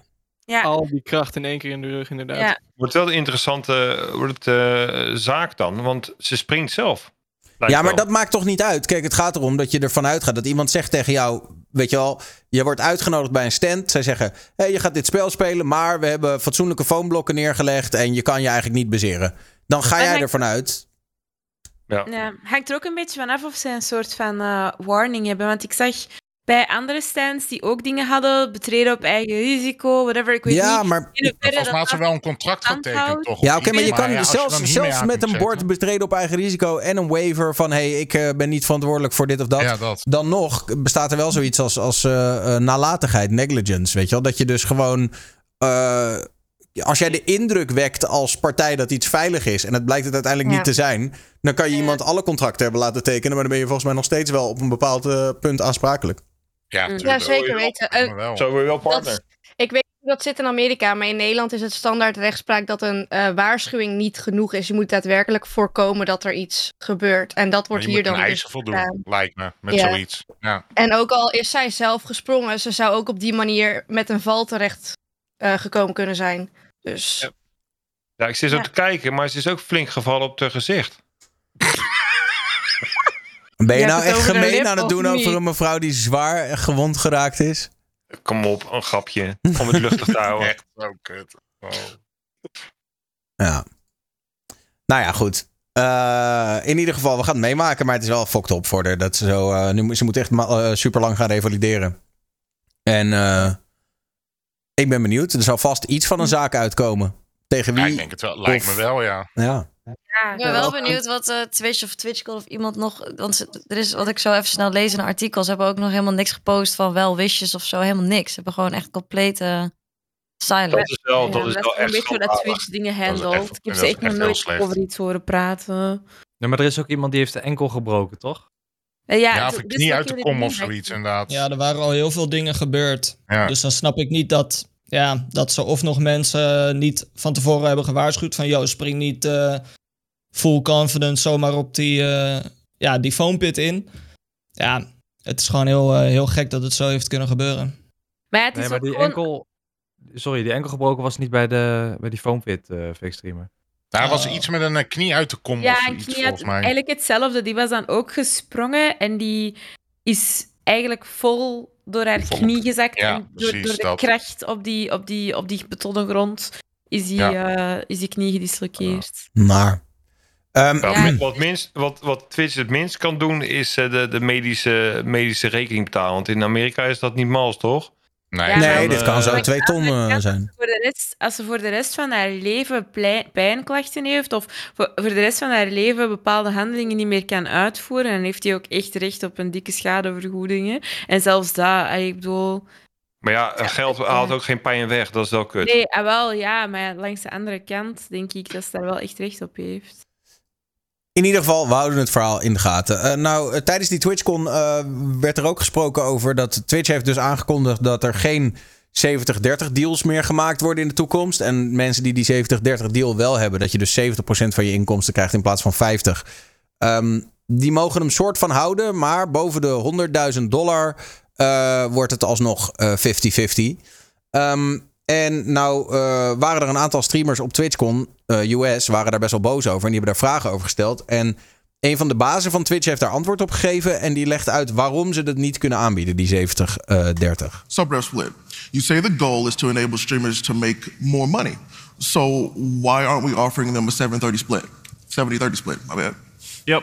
The the question here is, you know, why not? And we did look at all possible options. Could we do it? Could we offer 70-30 widely and broadly? And the answer is no. Simply is not viable for Twitch over the long term, at least as we know things today.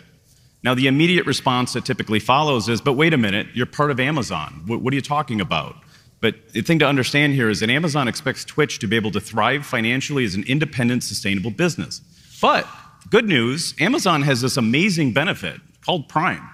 Um, and as part of their Prime offering, they have Prime subs. But Ja, dus eh, hij zegt eigenlijk van eh, we kunnen dat niet aanbieden omdat eh, ja, er is gewoon het geld niet voor. We verdienen niet genoeg geld. En dan eh, zeggen mensen ja, maar jullie zijn toch onderdeel van Amazon. En dan zegt hij ja, maar Amazon verwacht eigenlijk ook dat wij gewoon als Twitch ook onze broek op kunnen houden. En dat kunnen we op dit moment niet. Ja, het zou een beetje een stom idee zijn ook inderdaad dat, dat, dat Amazon gewoon alleen maar geld toespeelt, toch? Het idee is dat eh, Twitch bij Amazon zit om ook geld op te leveren. Maar zou, veel, zo- zou zoveel schelen dan? Is dit het antwoord van, eh, van, eh, van, de, van de geldput Van van de Twitch? dingen, denk ik. Want ze hebben ook bijvoorbeeld reclames natuurlijk veel meer gepusht. Ze proberen dingen uit om het uiteindelijk winstgevend te maken. Want ja, weet je, eh, als je, als je iemand 70-30 belooft, dan moet je er aan houden, toch? Lijkt mij. Is wel zo eerlijk. Alleen ja, ik snap Altijd. dat, ze- dat ze niet meer mensen, niet meer aangespreken om die 70-30 split eh, maar die te contracten geven, lopen zeg maar. meestal maar voor een jaar. Hè? Dus eh, ze hebben ook gezegd, Ja, ja. het gaat pas na afloop van alle contracten gaat het in. Ja. Maar besef even, je, je, wat, als ik het goed begrijp, die 70-30 is tot de 100.000 dollar op een jaar. En dan boven de 100.000 dollar is het dus een 50-50 split. Ja. Waar hebben we het over, bro? Een ton per jaar, ouwe. What the fuck? Wat zit je tussen... Ja, ik snap als je miljoenen pakt, maar niemand hier in Nederland gaat dit voelen. Niemand hier in Nederland gaat er last van hebben, behalve Don Kaaklijn misschien of Sharpen Gameplay. Ehm, maar dan nog, een ton, bro. What the fuck? Ja? Dus ergens ben ik het Aan de natuurlijk ene wel kant snap ik het, maar aan de andere kant denk ik ook, het is een fucking ton, ouwe. Holy shit. Die heb je al 70-30 en dan daarna moet je splitten. Waarom doe je dan niet gewoon, yo, tot de ton. Hé, hey, ik heb een ton op mijn lijstje. Guys, ik ga eh, de komende laatste drie maanden ook op YouTube streamen, man. Ja, maar dat ga je wel krijgen. Ja. Ja, dat ga je dus wel krijgen. Ja, prima toch? Denk ik. I don't know. Ja, ik weet niet, ouwe. Ik bedoel, ik, ik heb zoiets van, ja... Rijke mensen zeiken om dat het dan, zeg maar, nog ze minder- wordt. minder Ja, rijk zijn. Ja, ik doe waarschijnlijk hetzelfde hoor, met bepaalde dingen. Als ik weer, weet ik veel, iets heb van de belastingdienst, dan denk ik, ja, godverdomme, moet ik weer betalen. En dan, ja, hè, maar ja, dan nog. Ik weet niet. Niemand, niemand in Nederland gaat hier last van hebben. Ehm, dus ja. Nou is er wel een eh, soort van conspiracy theory. En daar hou ik normaal gesproken helemaal niet van. Maar ik vind deze wel interessant. Hij draait hem meteen naar Prime subs. En wat mensen dus denken dat er op de achtergrond gebeurd is. ehm, denken ze dus dat misschien Amazon heeft gedreigd om de Prime subs eh, te stoppen. Om dat niet meer te doen. En dat Twitch zich daar heel erg hard voor heeft gemaakt. Heeft gezegd van oké luister, geef ons alsjeblieft die Prime subs. Want die zijn echt heel belangrijk voor het platform. Als we die Prime subs mogen houden, dan gaan wij aan de andere kant een beetje tweaken aan de, de dingen om meer geld te verdienen. Maar we willen echt die Prime subs houden. Ehm, Dat schijnt, weet je wel, dus eh, waar, waar heel veel mensen dus eh, toch vaak haten op Twitch met ja, ze hebben niet eh, de creators in, hun, in mind.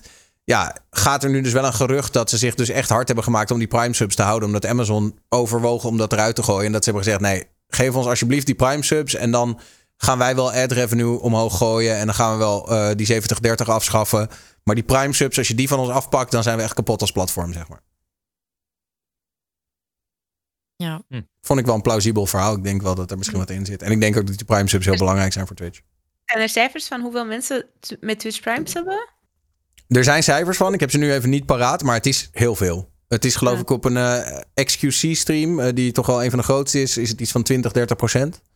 Oké. Ehm, bij Kai Sinet, die uh, gozer die nu de meest gesubscribede streamer op Twitch is, is het iets lager, maar geloof ik nog steeds iets van 8 tot 10 procent. Eh, en bij sommige streamers die echt een goede prime push doen, kan het soms wel oplopen tot 50 procent. Hm. Ehm, zoals ik hier nu in de chat zie, uh, Gameplay zegt al, ik heb 50% prime subs. Als dat wegvalt, doet mijn portemonnee balen. Ja, ja, en het is ook misschien een stukje, volgens mij, als je dan Prime neemt, krijg je ook ergens wel te zien van, hé, hey, je kan dus Prime inzetten op Twitch. Dus het is misschien ook wel weer een stukje doelgroep van Amazon richting Twitch krijgen. Vanwege die... eh, Ja, je gratis- slaat een brug naar Mm. Twitch toe natuurlijk. Ja, dus daar zit ook nog wel een stuk in. Ja, Ehm, maar ja het is ze kunnen niet meer zonder Prime.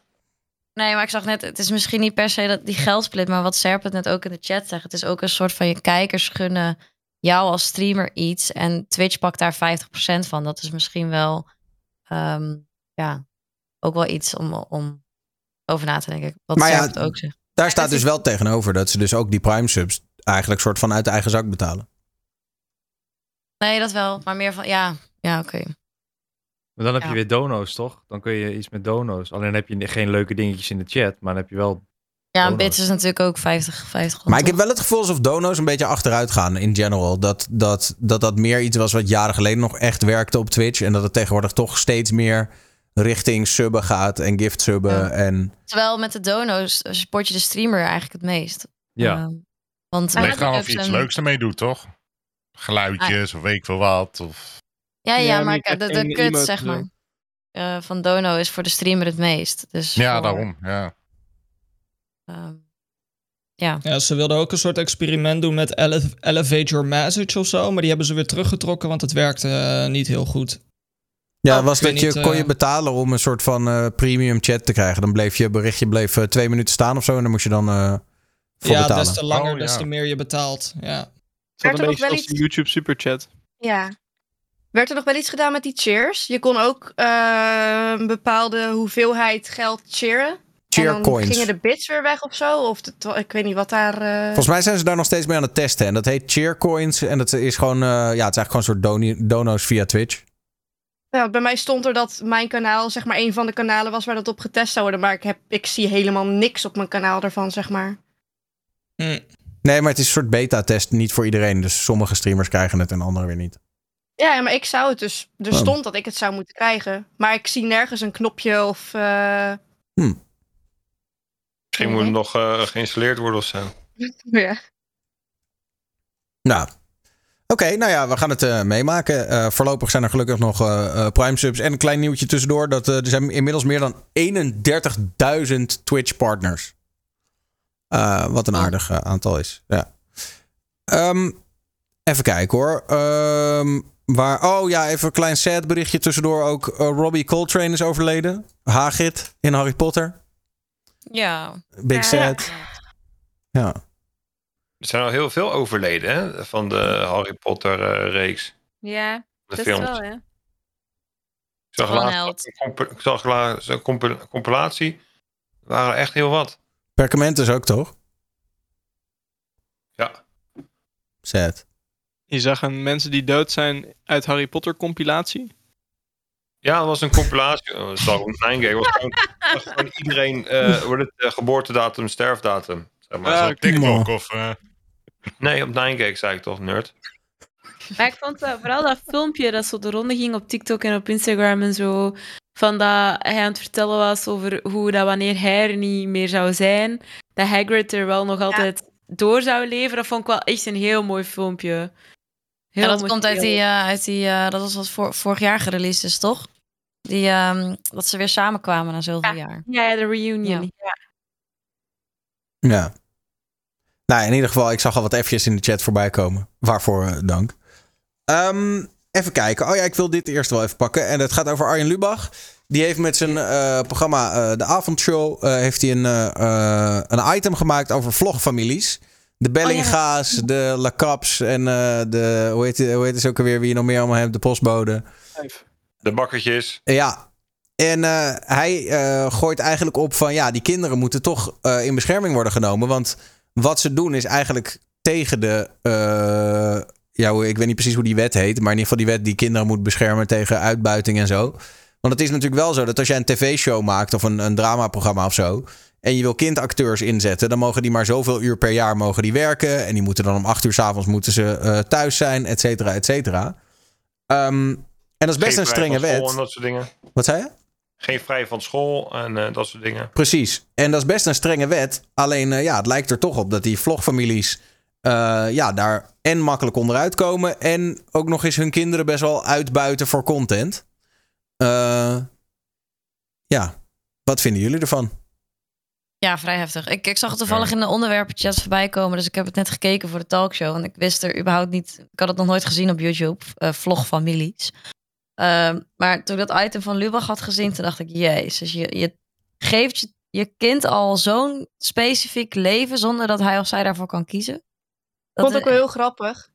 Er was toen dus ook inderdaad een van die vaders die zat te vertellen van ja, en eh, mijn ouders die waren al opgegroeid met een liefde voor camera's en wij ook. En onze kinderen nu ook. Ja, ja, ja, Vind je het heel gek als je ze Ja.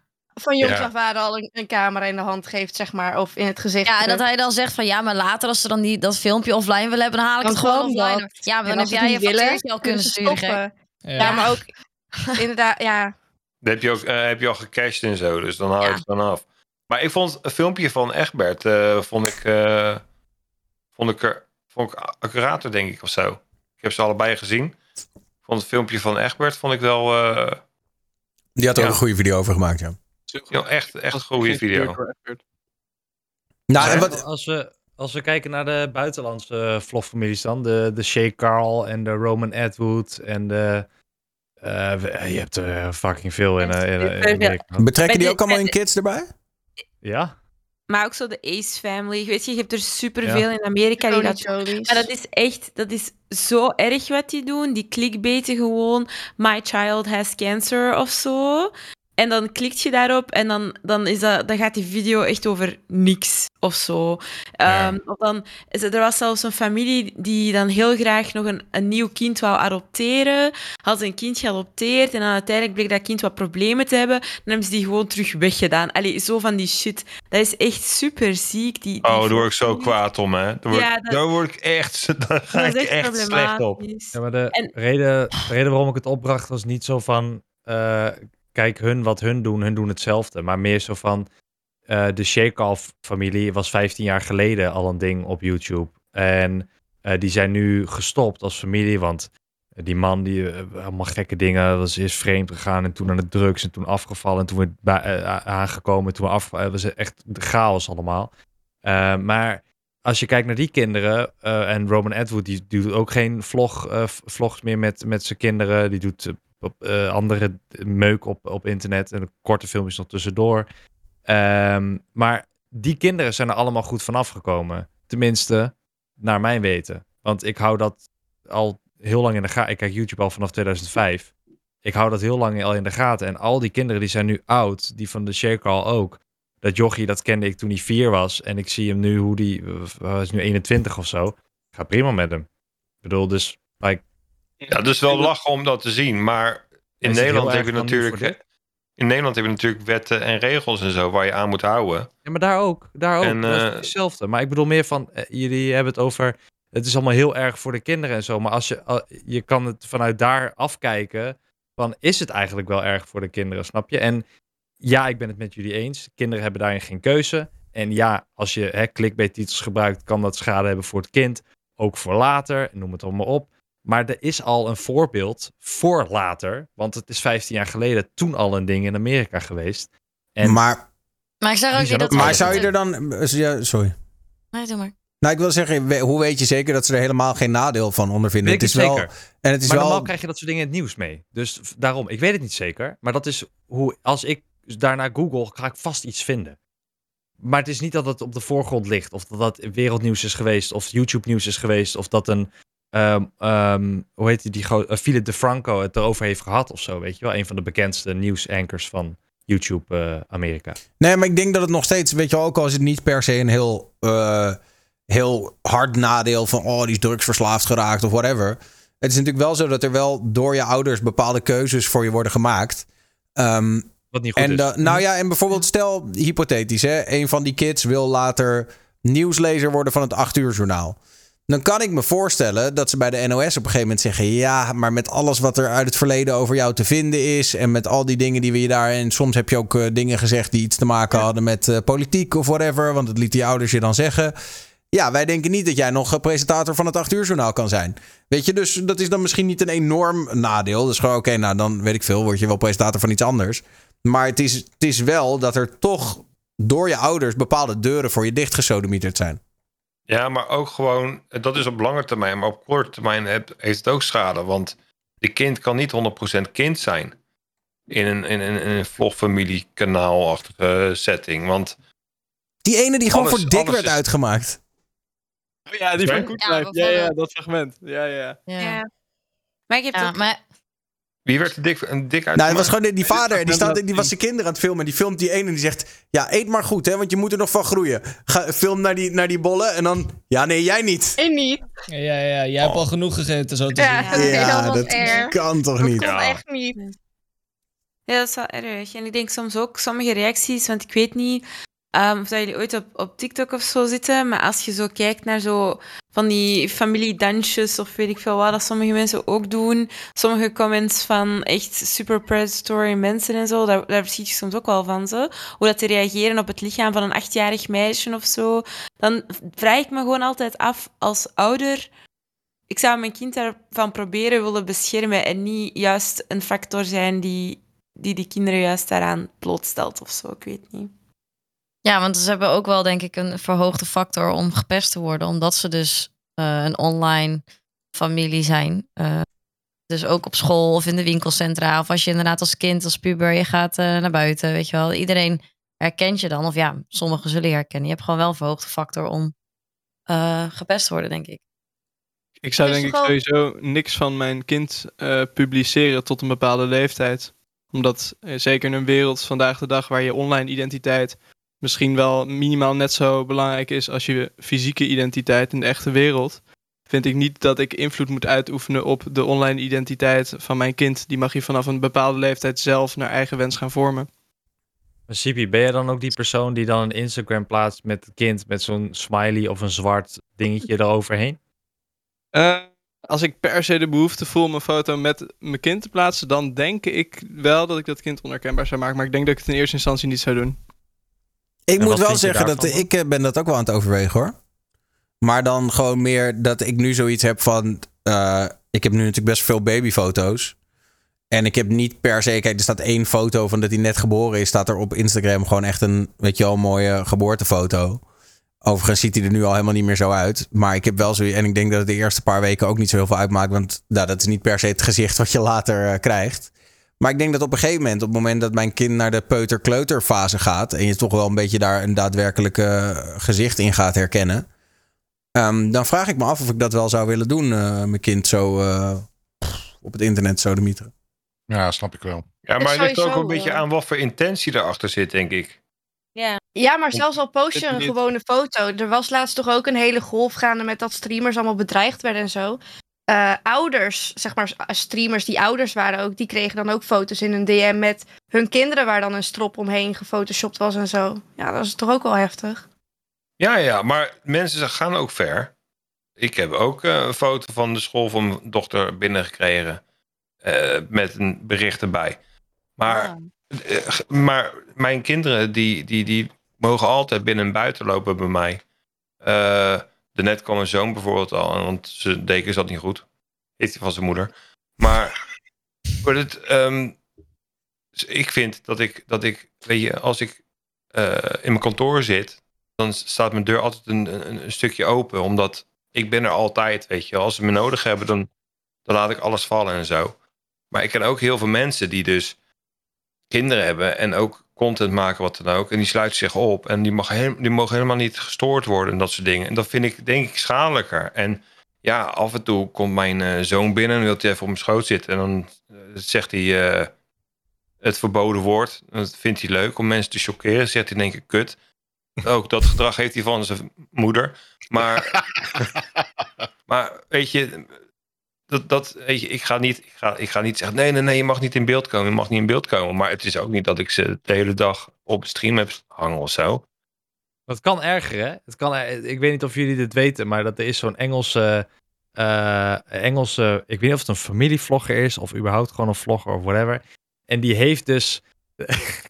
dat is tegen grappig. Die heeft dus ehm, van die waxbabies en waxkinderen gemaakt van haar eigen kinderen om te verkopen online. Google het, please. Ik heb dit gelezen. Ik heb het niet alleen gelezen, maar ook gezien. Dat was een YouTube-video Wat? van. Dit is Please Google het.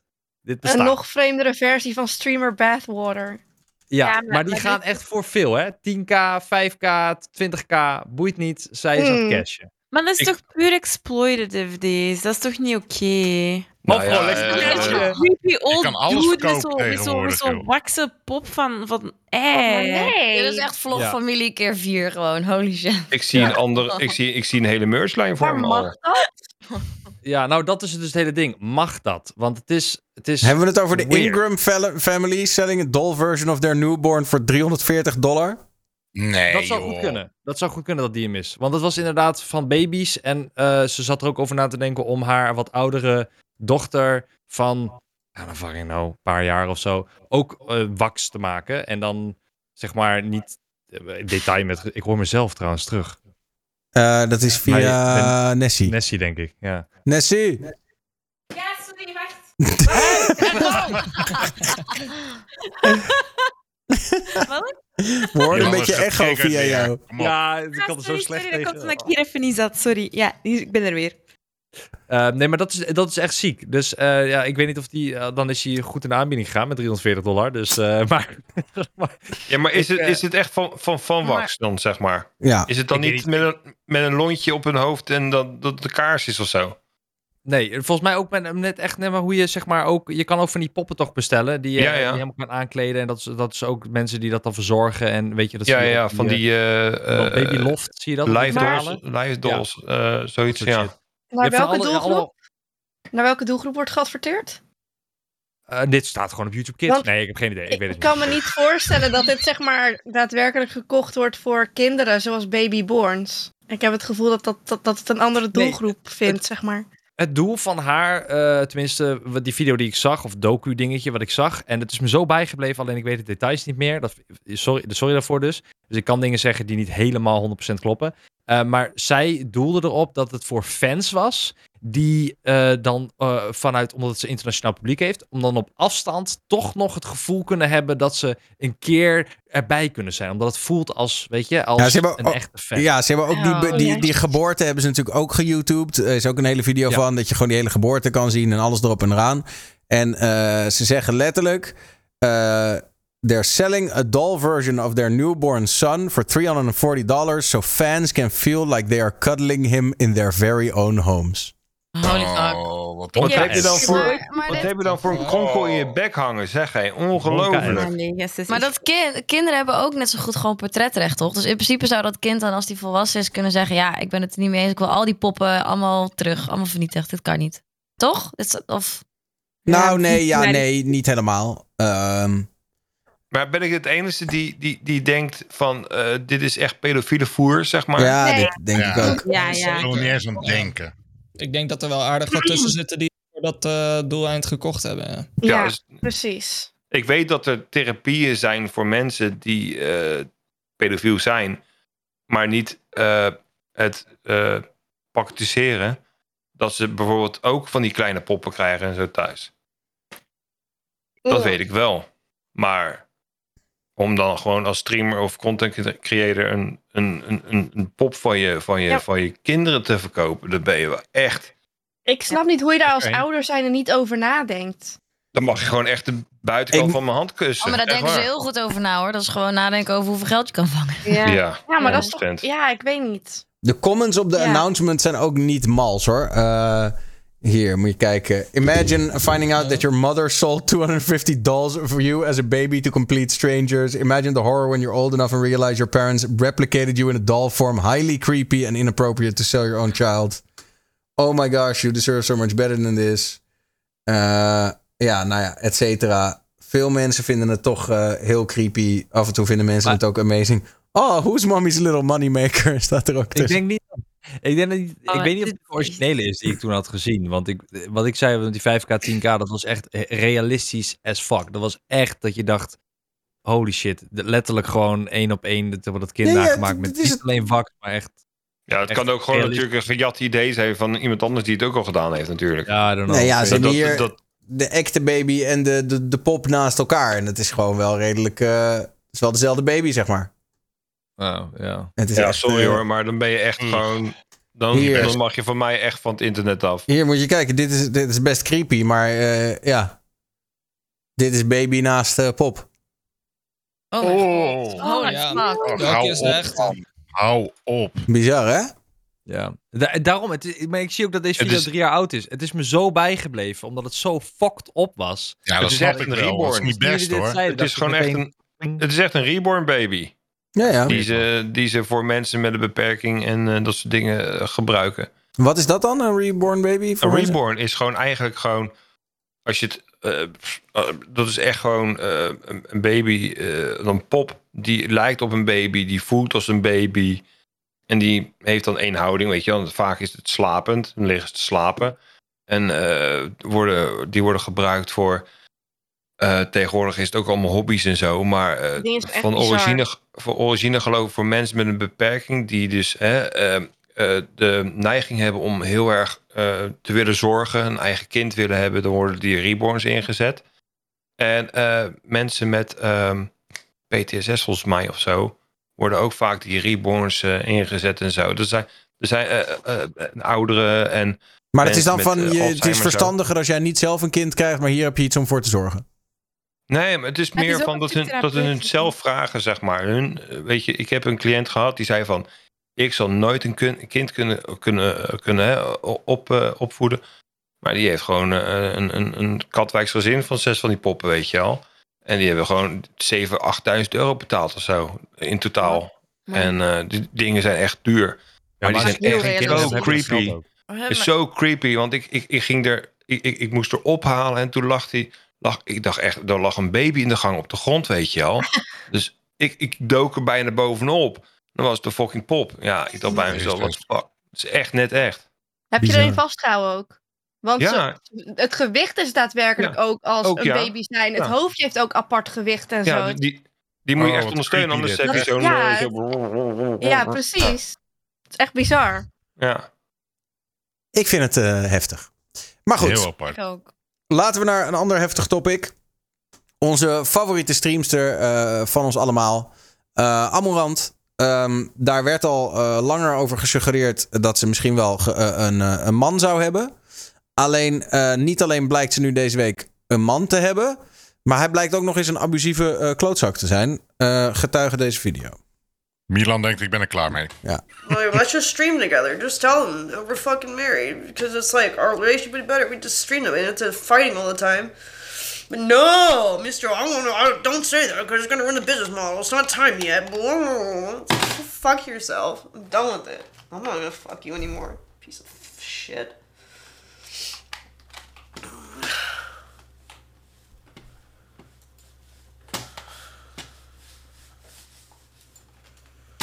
So it's fucking working now. No, it's not plugged in here. fucking done with this shit. You don't want you want me to tell them I'm single? It's about to be true, piece of shit.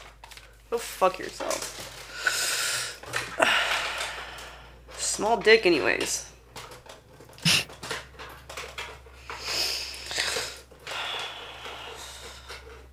Ja, eh, er zijn nog meer clips ook waar ze tekstmessages laat zien van hem. Waar die dus. eh, wat blijkt nou?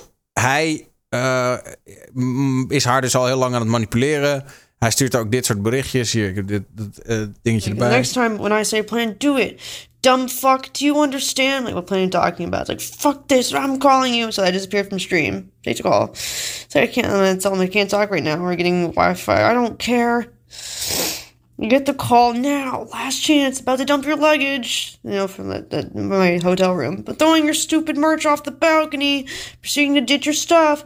You don't need the makeup or th- or the the live view, like the stream epic, or the clothes, huh? Deleting social media in one minute. Buying options that expire and blasting the cash. About to Ja, dus eh, die gozer die blijkt haar dus heel erg eh, ja, te hebben een soort van eh, geestelijk mishandeld. En die heeft ook nog eens controle over a- al haar bankrekeningen.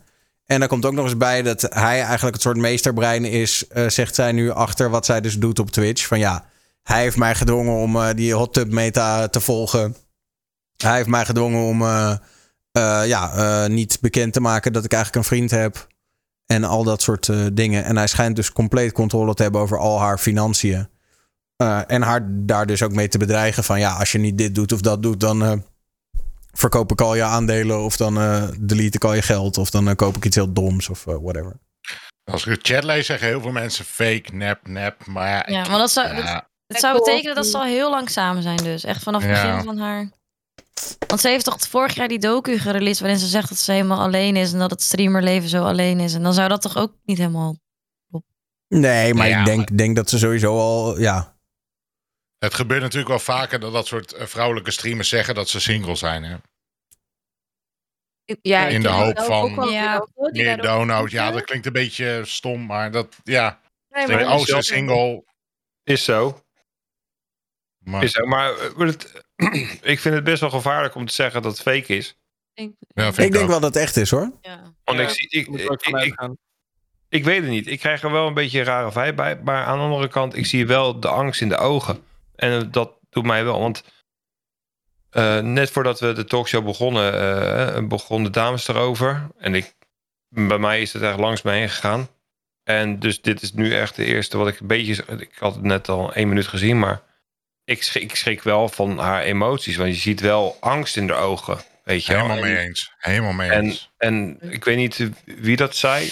Eh, volgens mij zei dat Lien, die zei dat van... maar als dit nep is, dan is het ook gelijk klaar. Dan is het gewoon gecanceld. Ja, maar Ja. laten we het daar inderdaad... Ik, ik merk al Nee, dat in de chat dat, dat ik mensen... Mensen zitten er ook niet echt op te wachten. Die hele discussie over... Is de, de- laten we er gewoon van uitgaan Nee, dat het echt is, toch? Het is, is waarschijnlijk gewoon echt. Het is ook heel aannemelijk, want inderdaad... Iedereen had al het vermoeden dat ze een, een vent had achter de schermen. Ja, want er Ehm, waren ook eh, foto's toen die tijd online van eh, dat, ze, dat je een, een, een ringafdruk zag. En het was, ah, zie je wel, ze heeft een vriend of ze is getrouwd. En er waren hele, hele, hele, ja, heel hype was dat op een gegeven moment eventjes. Mm.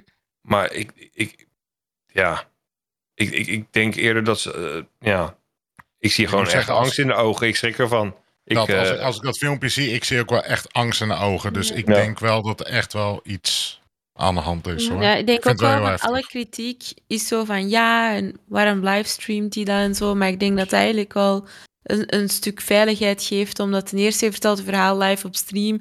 Er zijn tienduizenden mensen die op dat moment aan het kijken zijn. Je hebt bewijs. Als er dan iets gebeurt, weet Ja. iedereen ook waar dat ze het moeten gaan zoeken, denk ik.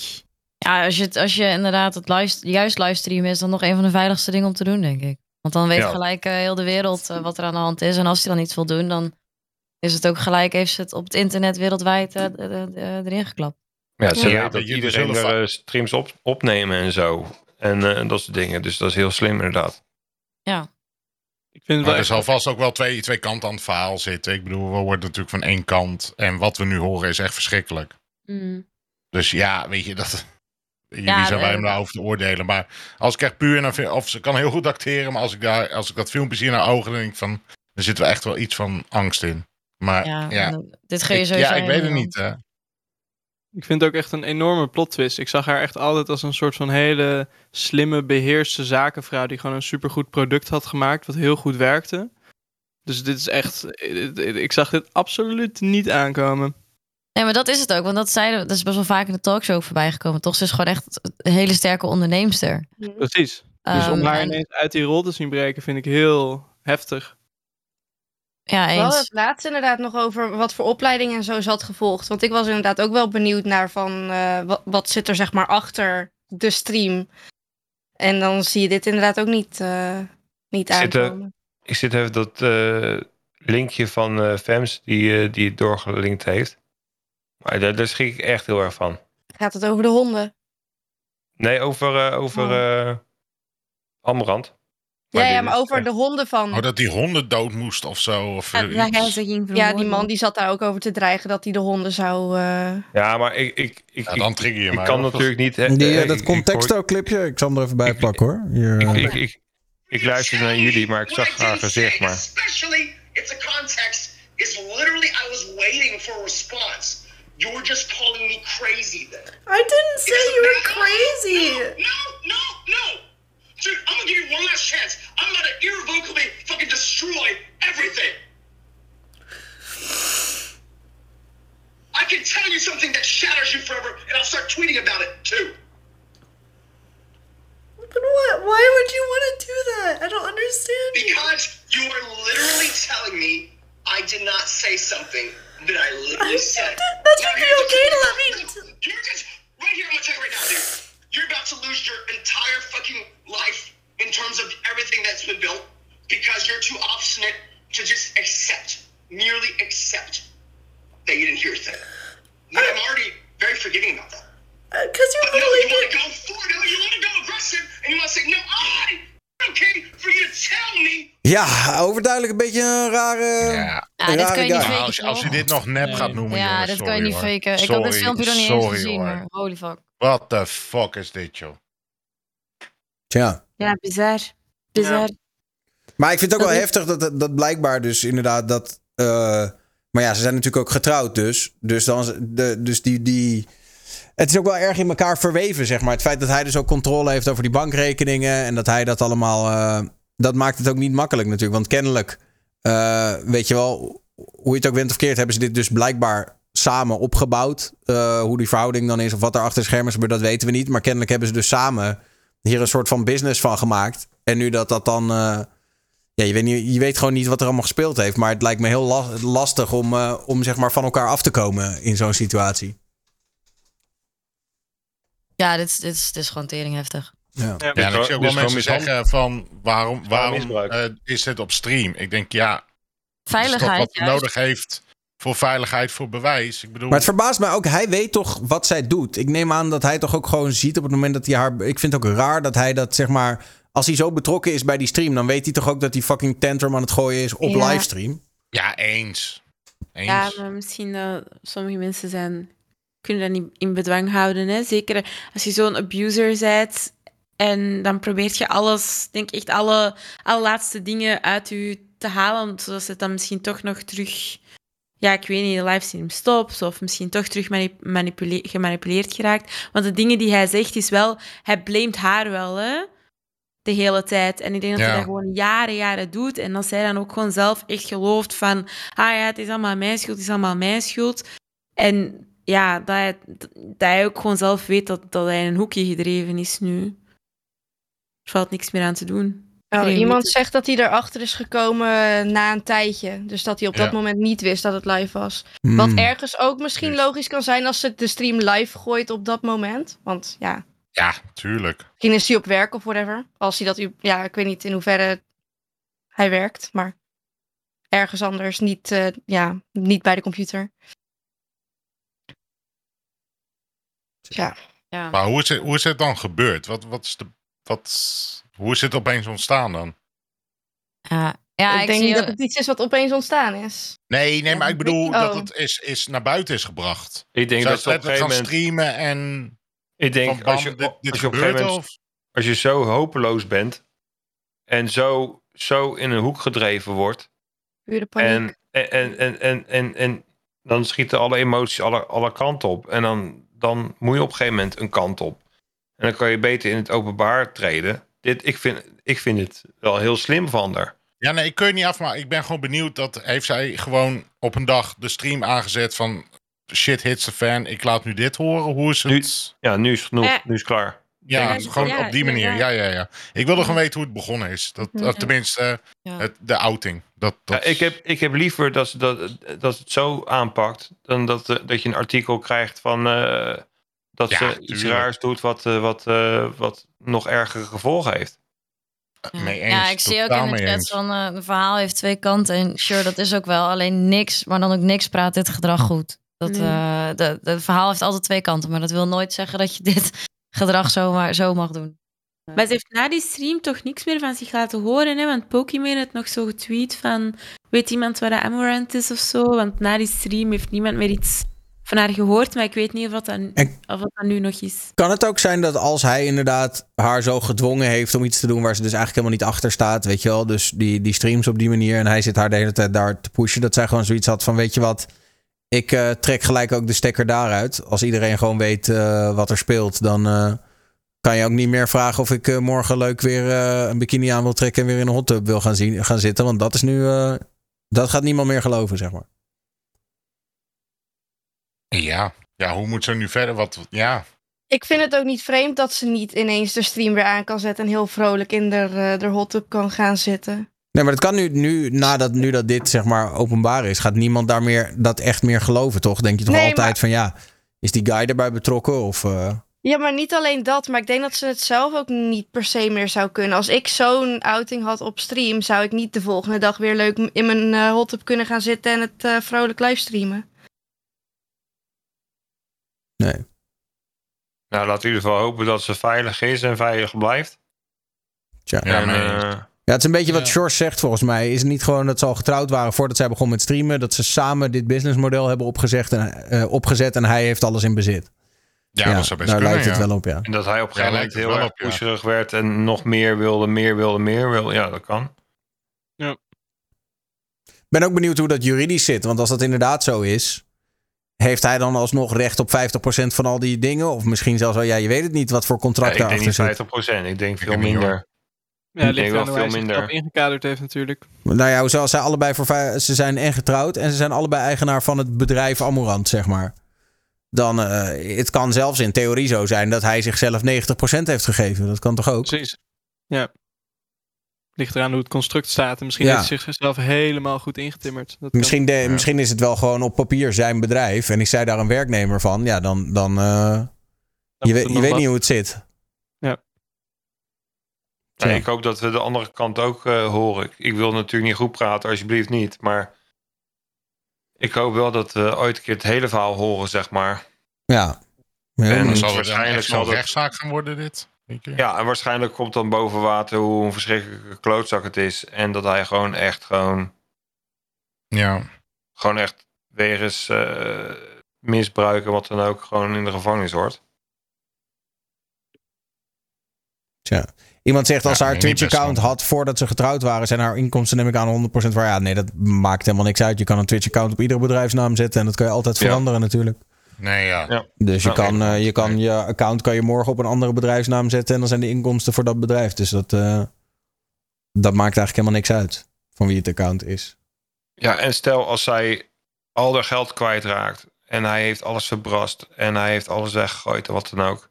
En ze is helemaal van hem af en ze begint met een gloednieuwe kanaal. Dan, ik denk dat dan, dan moet het ook wel goed komen, toch? In die zin wel. Ja. Oké, Dan maar wordt- moet ze weer opnieuw ja. opbouwen, maar- Ja, alles moet tot terug opgebouwd worden. Hè? Ja. Ja, ja ik, vind, ik vind het super erg voor haar. En ja, ik hoop dat er nog iets goed uitkomt voor haar uiteindelijk. Nou ja, waarschijnlijk een soort van vrijheid toch? Want haar bekendheid raakt ze niet kwijt. Mm. Maar de, die, ja, de, de, die gozer erboven die, haar, die zich overal mee bemoeit en die haar dus kennelijk helemaal eh, abused, die, eh, daar kan ze wel vanaf komen uiteindelijk. Mm. Dus ja, we moeten het maar zien. Er wordt gezegd opbouwen. Die vrouw hoeft van haar leven niks meer op te bouwen. Maar stel al die man die neemt al haar geld weg. Dan moet, of, Dan moet ze weer ja, dan moet ze wel weer iets opbouwen inderdaad. Ja. Dat is het ding. En dat hoeft niet eens op Twitch, hè? Nee. Kan ook gewoon buiten Twitch of wat dan ook. Ja. plus, ah, plus het, het is toch ook wel, ik vind het ook wel heel sterk dat je, dat je daarvoor naar buiten komt en dat je erover praat. Het trekt ook weer heel die discussie open hè, van ehm, partnergeweld eh, en al die dingen. Ik denk dat dat ook wel ehm, heel inspirerend kan zijn. Mhm. Ja, en het is ook niet alleen je bedrijf opbouwen, maar misschien ook emotioneel, mentaal. eh zou je toch ook Ja. even ergens aan moeten werken, denk ik. Want dit is Mhm. gewoon zo traumatiserend. En hoeveel mensen ook zeggen van, oh, maar ze verdient zoveel geld. Het gaat heel veel over geld in het chat. Ik denk, jongens, Ja, dit, ja, dat dit, doet er op dit dat gaat moment niet er- om geld. Dit is echt... Oh, man, man, man. Niet kijken naar de chat. Nou ja, kijk, uiteindelijk gaat het wel ook om geld natuurlijk. Want hij, eh, eh, bedoel, volgens mij zegt zij nergens dat hij haar, weet je wel, dat hij fysiek eh, abusive is. Dus het is niet dat hij er slaat of zo. Eh, maar dit is natuurlijk niet dat dit minder erg is. Het is net, net, dit is gewoon op een andere manier erg. Namelijk dat hij er dus juist chanteert met dat geld. Zo van, want dat is Ja, wat maar- steeds terugkomt. Van ja, luister. Ik, eh, ik, ik, weet je wel, als jij niet dit of dat, dan gooi ik al je geld weg. Nee, maar hij, was, ook hij, niet- was wel, hij was wel fysiek, van wat ik heb begrepen. En ik Oh bedoel ja, meer met ja? geld, Ja, dat ze zeggen van... Waar maakt ze zich druk? Ze heeft genoeg geld. Dat bedoel ik. En Nee. hij was ook wel physical, hoor. Ja, oké, maar, maar goed. Dus, maar wat maakt ze? Ze heeft genoeg geld. Dat is dus het hele punt. Dat geld is dus. ja. Daar kan ze niet bij, want dat is zijn geld. Op papier Maar dan. zelfs, zelfs al had ze al, zelfs al had ze Laat maar. 100 miljoen op haar naam en ze werd op deze manier behandeld, ja, dan, dan gaat je toch druk maken dat je op deze manier behandeld wordt. Sorry, zei ik iets verkeerd, Gary? Wat, wat, wat Gary zei, denk ik, laat maar. Nee, ik bedoel, mijn punt is dat de chat zei van... Wat maakt ze zich druk over alles? Oh, sorry. Met, eh, ze heeft toch genoeg geld, komt toch goed? Zo bedoel ik het. Ja. Gary was meer van, ze heeft geld, dus het boeit niet zoveel wat er gebeurt. Ja. Ja, maar dat is dus niet zo. Is veel meer waard. Ja. Wat bedoelt Gary? Gary. dat is wat ik bedoel. Ja. Kale mannen. Nou ja, er is gewoon geen winnaar in dit verhaal. En dat is gewoon het meest trieste. Nee, Toch. totaal niet. Tja. Heftig. Ehm, maar we gaan meemaken. Jij nog een mening over arme, arme Amorant, eh, Milan? Eh, nee, ik kwam een beetje halverwege erin. Maar ik hoor het mee en ik denk echt, eh what the fuck. Ik eh, ja, ken haar niet, maar wens ze sterkte en eh fucked op situatie. Ik heb echt niks toe te voegen, want ik hoor allemaal hele goede argumenten en dingen. Ja. Dus- Tja. Ehm, apart verhaal. We hebben Mark Zuckerberg en die is helemaal natuurlijk die is van, eh, van Meta, Facebook. En die eh, is bezig met de metaverse. Een soort van eh, Second Life, maar dan in VR. En weet ik veel wat het allemaal wel niet moet worden. En dan hadden ze van de week hadden ze een grote presentatie van Meta. Ehm, en toen kwam hij met een enorme reveal. Ja, je hebt nu straks in de metaverse heb je ook benen. En toen ging hij dat demonstreren. En toen deed hij een soort sprongetje in de metaverse. En toen zag je inderdaad zijn karakter. Die had dan benen. En die benen sprongen ook. Alleen nu blijkt dus achteraf dat dat helemaal niet werkt. Maar dat ze dus gewoon een animatiebedrijf, zeg maar, dat sprongetje hebben laten animeren. En dat het meer een soort van ja, trailer is van what's to come. Uh, Oh, dus de wauw. grote announcement van je hebt nu benen in de metaverse, dat blijkt dus uh, toch niet helemaal echt zo te zijn. En ik, de discussie die, die ik wilde hebben was niet per se over die benen, want dat was meer gewoon een stom feitje. Maar dat. Is dit nou echt de next best thing? Want er worden miljarden in geïnvesteerd en iedereen heeft het over metaverse dit en metaverse dat. En volgens mij is het gewoon Second Life in VR en niet per se. Nou ja, we kunnen in principe de, de gebruikers uh, vragen om in call te komen, want er zijn er maar 30. kunnen ze een mening delen. Nou ja. Ja, maar dat Nee, is het ik- wel. VR had Ja. toch al dan echt al veel meer omarm- omarmd geworden en veel meer gebruikt. En eh, ja, Ja, ik denk dat ze te vroeg zijn. Maar het is een soort wanhoopskreet vanuit eh, Meta. Aangezien hun hele verdienmodel een beetje op de schop gaat. Eh, Eerst kon je gewoon eindeloos data verzamelen en doorverkopen aan adverteerders. Dat lijkt nu voorbij te zijn. Dus veel van die bedrijven moeten op zoek naar iets nieuws. Kijk naar een Google, kijk naar een Meta. Aandelen zakken in elkaar. Ja. Eh, dit is de, de gok van Meta waar ze op in gaan zetten. Maar ik ben bang dat ze te vroeg zijn. Ik zie zeker potentie voor zoiets op lange termijn.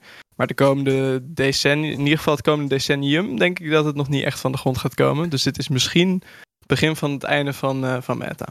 Ik vind het wel heel goed dat ze het al voor de PlayStation eh 1 hebben geland, zeg maar. dus dan kan iedereen het echt spelen, weet je Ja, wel. en de customer support via MSN, daar was ik ook heel blij mee. ja eh, Het ziet er echt niet uit. Kom op, ze hebben er miljarden in gepompt en het ziet er echt niet uit. Zelfs mijn dochter kan mooier, eh, mooier tekenen. Ik denk wel dat het, zeg maar, het concept van uiteindelijk, ja, gewoon zo'n soort, ja, noem het een game, maar gewoon een soort virtuele wereld waar je van alles en nog wat kan doen, dat lijkt me heel lijp. Alleen, ik denk niet dat er daar maar één van komt, zeg maar. Ik denk dat er gewoon meerdere competing games, virtuele werelden gaan komen. En uiteindelijk zal er eentje. Project Earth heb je toch ook? Ja, maar dat is nog helemaal niet zo. Dat is puur en alleen nu gewoon een soort landje pik spelen. Daar, daar is nog helemaal geen VR-component aan. Maar net Maar zoals je had toch ook. zijn. Je had toch ook. Je had eh, heel veel MOBA's. Maar toen kwam World of Warcraft. En in één keer was dat de MOBA die iedereen wilde spelen. Weet je wel? Ik denk dat het uiteindelijk ook met dit zo gaat zijn. En Meta kan er wel als een van de eerste bij zijn. Maar uiteindelijk komt er een, een cooler kid on the block. En denken wij met z'n allen, ja, leuk met je, met je saaie kut Meta. Maar wij willen de Blizzard variant willen wij hebben, zeg maar. Weet je wel? Dat, ja, dat denk ik. maar in welk opzicht gaat dit winnen van, van gewoon PC-gamen of PlayStation of whatever? Zeg Ja, het idee is dat het meer is dan alleen gamen, toch? Het is echt een soort van virtuele, een wereld. virtuele wereld. Ja. Een soort sociaal medium. Oké, dit is gewoon Habbo Hotel 3.0. Nee, nee, Ja. nee, je, moet het, je moet het denk ik echt zien als de volgende stap eh, na mobiel. Op een gegeven moment eh, werden de computers werden vervangen voor kleinere computers, laptops en zo. Op een gegeven moment gingen we naar nog kleinere computers en telefoon. Maar op een manier is dat natuurlijk heel beperkt. Klein schermpje, eh, touchscreen. eh, je kan er niet relatief weinig mee als je het vergelijkt met een virtuele wereld waar je volledig met je lichaam in kan zitten. Dit gaat waarschijnlijk de volgende stap zijn waar je dus deel kan nemen aan een digitale wereld. Maar dus ook. Ja, en dat betekent 1000 dus euro ook. neerleggen. Nou, nee, maar wat, wat Siep bedoelt, denk ik, is dus ook dat je dan 's ochtends in plaats van naar je werk gaat, zet je je bril op. Ga je in de metaverse, ga je naar je metakantoor waar iedereen zich verzamelt. Ga je met z'n allen aan de virtuele vergadertafel zitten en ga je daar je werkdag hebben. Ik zie het al, ik zie het al, voor me. Hey, heb, je, hey, heb je een nieuwe blouse aan? Ja, die DLC heb ik gedownload. Nee. Ik had mijn Habbo-credits weer opgewaardeerd. Ja, en als je, en als je Second Life wil doen, dan Maar ga je toch gewoon vraag ik 5 me n doen. voor passieve, passievelingen dat we dan gaan worden. Als je zo alleen je bril moet aandoen, s ochtends. Ja, maar- Ja, sluit en je mensen broek, nog hè? meer op. Oh, hop, je zet dat ding op en dan ga je dan. En dan inderdaad, nou ja, je hoeft niet meer te travelen naar, naar werk, maar je meldt je gewoon, je logt in en eh, je Maar bent heb je in dat het filmpje van Marcus Brownlee gezien dan? we- met die drie met- schermen. Ja. Ja, dat zag Die- ik wel. Want, ja, want je dat, zo, dat is namelijk denk ik wel de toekomst van... Hè, ik bedoel, we hebben natuurlijk een enorme booming effect gezien met Zoom en... eh, ik wil zeggen Google Hangout, lol. Ehm, Wauw. Ja. noem je mij een Eh, boomer, wat de fuck. Je bedoelt eh, dit filmpje toch, Milan? Ik heb je geëd op Google Plus ook trouwens. Ehm Jan? Bedoel je dit filmpje? Dus hij laat zien, dit is ook van Meta. Dit werkt dan Ja. op eh, Oculus. En dan in één keer, hij heeft één MacBook. En in één keer, hoppatee, heeft hij drie schermen aan die MacBook. Ja. Eh, dit is... Ja, eh, en- En dan, en kijk, en dit kan natuurlijk evolueren naar iets dat je eh, je collega's tegenover je ziet. En dan wel virtueel, dan wel eh, op, op een manier. Eh, en zo zou ik het wel voor me kunnen zien om iets eh, gedaan te krijgen qua werk. Bijna eng hoor, dit. Dit is, dit is, dit is tof. Kijk, dit is een soort van. eh dit noemen ze anders, toch? A- ja, AR is dit. Ja, ja, dit is AR of XR. Het, Ja. is, het, is, het is tof. En dit zie ik wel gebeuren hoor. Dit, eh, deze voel ik wel. Het Ik ook heel virtual- gaan, denk ik. Sorry? Het zal ook heel stapsgewijs gaan. Gewoon steeds meer componenten van het dagelijks leven zullen overgenomen worden. Of deels gemengd worden. En dat gaat natuurlijk heel geleidelijk. Ja, ja, ik denk het ook. Ja, ik Maar- bedoel, VR is echt lijp. Ik heb, ik heb 500 uur in Anyland. Kent waarschijnlijk hier niemand. Wat is dat dan? Jawel. Ik heb ook VR. En jullie is ook wel leuk. Ja, dat is een gratis spel waarin je dus gewoon kan creëren en maken en doen wat je wil met voice, eh, voice chat of voice, hoe noem je dat? Eh, dat het, vo- voice proximity. Mhm. Eh, dus dat je gewoon mensen hoort, ook als ze ver weg zijn, dat je ze zacht hoort en noem het op.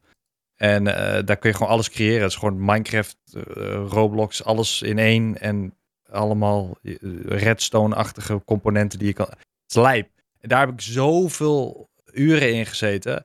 Maar dat was inderdaad ook maar een clubje van 50 man online per dag. En ik was daar dan één van. Weet je, heel zielig. Ik maar kijk ja. vooral Ja, VR-gaming is ook heel klein. Het is ook toch gewoon ja. nog heel duur. VR-gaming is ook heel, heel klein, want ik, eh, ik heb dan Pavlov ook wel veel gespeeld en zo. En dan zag je altijd eh, dezelfde mensen en zo.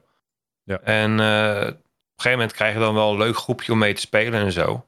Maar eh, ja, ik vind VR-gaming vind ik sowieso heel, heel erg lijp. Nou, Ja, dus maar ik voel, ik voelde dat al. Sorry, sorry. Wat wil je zeggen? Nou, ik word er zelf ook gewoon misselijk van. Ik ook.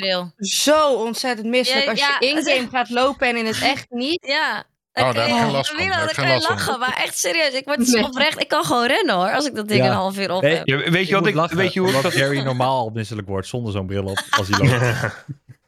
Ik weet nog die, gewoon die. Ik heb hier volgens mij nog die Oculus, eh, die allereerste Oculus Dev Kit eh, heb ik hier liggen, want die was toen eh, hype. Wat Oh, zei dat je? die paaltjes moet neerzetten, zeker. Die developer Nee, kit nog- 2 heb je dan nee, zeker. nee, nee, nee, nee. Ik heb. Wacht even, dan moet ik hem ook pakken. Ik Ja, pak OG hem, pak hem. Ja, heel nice. pak hem, pak hem. Welke heeft hij? De? Ik denk de developer kit 2. Oh. Ja, dat doet hij voor zijn VR-porno.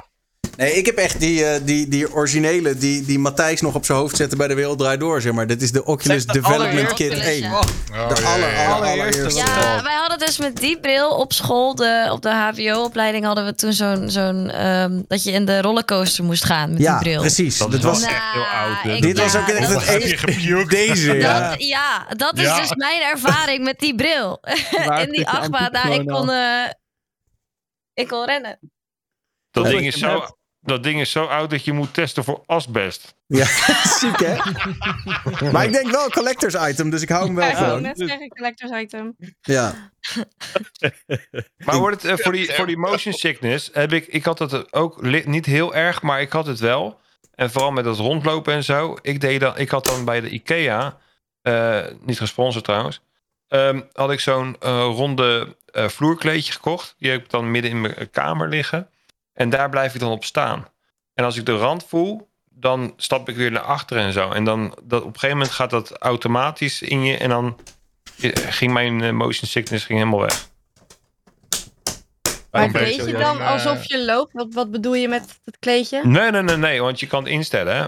Eh, qua lopen en zo, weet je wel. Eh, met beweging of zo, weet je. Dat je zo... Dus zie je echt zo. Maar ik doe dan altijd met de joystick, zeg maar. Want dan heb ik er minder last van. Nou, dan word ik juist heel misselijk. Als ik sta en ik ga met die joystick lopen, dan ben ik klaar. Ja, Ah, Oké, nou, dan moet je wel echt zo gaan doen. Ja, je hebt Ja, van die z- dingen waar je op kan staan met zo'n soort van eh, loopband of een Ik denk bal. dat ik dat moet hebben, inderdaad. Ja, Maar die klopt. Ja, met zo'n eh, riempje 2000. eromheen. Dan kan je echt gaan rennen zo. Ja. Ja, Ja, maar die zijn echt vanaf 2000, 3000 Ja, euro dat of zo. Dat is- ja, dat is voor jou geen geld. Ik, Nou, dat heb ik nog in mijn achterzak. Maar in ieder geval, eh, ik dacht dus dat dat van VR met dat Anyland, dat daar, zeg maar, dat dat al de toekomst was. Maar toen ik dat van Marcus Brownlee zag, dat filmpje wat je net liet zien, dacht ik van, ja, misschien is dit wel de toekomst. Alleen ze laten ons elke keer dingen zien waarin wij zoiets hebben van, ja man, daar moeten we heen. Ja man, daar moeten we zijn. En dan Ja. uiteindelijk, net als met Google Glass, dan eh, stopt het gewoon volledig. En dan Ja. is het zo van, ja, toch maar niet man. Ja, en dan zo Maar- zonde is dat, hè? Google Glass was Zo ook wel echt heel kut. Ja, oké. Heeft iemand dat ding ooit opgehad? Dat ding heb, ik, heb ik wel opgehad. Nee. Het was echt... Nee. Ja, je had gewoon die bril en dan zat er hier in een hoekje, zag je zeg maar gewoon een, een klein soort van vierkantje. Maar het was eigenlijk net te kut om iets fatsoenlijks te kunnen displayen. Dus dan kon je wel iets van tekst zien of iets van... Het was meer dat bijvoorbeeld, nou had je navigatie op je Google Glass... en dan zag je gewoon in je ooghoek zag je een pijl naar voren of een pijl naar links. Want echt ruimte om gedetailleerde kaarten te laten zien of zo was er niet. Dus het was ook echt... Ja, maar idee Nee. is, is wel vet. Ja.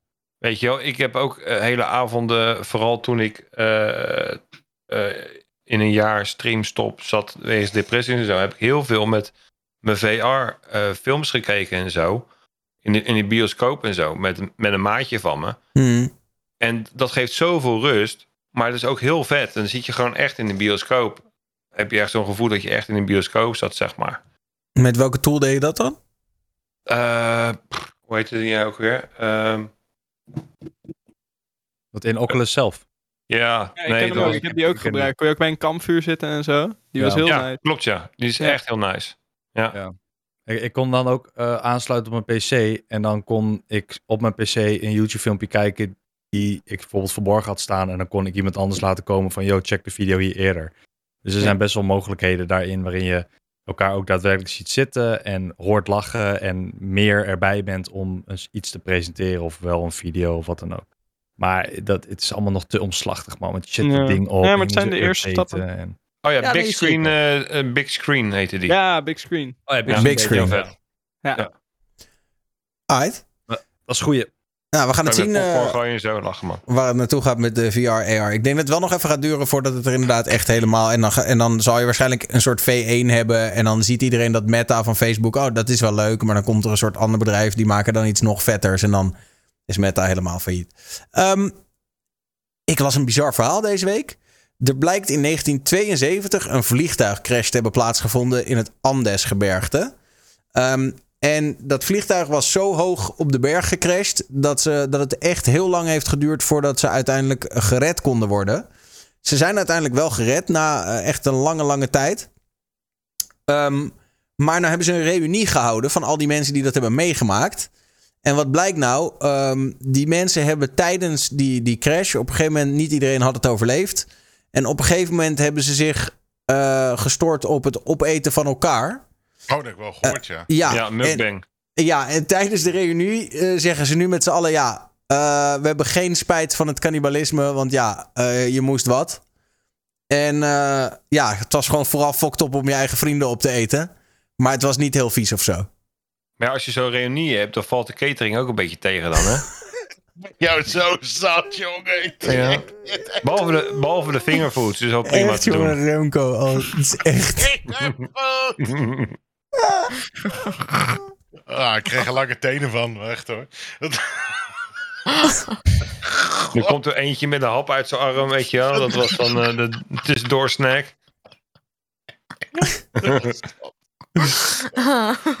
Ja, maar ja, weet je... Eerlijk is eerlijk, dat de vliegtuigvoedsel is ook niet te vreten. Dus dan moet je gewoon aan jezelf aan elkaar beginnen. Weet er gewoon niet van ophouden.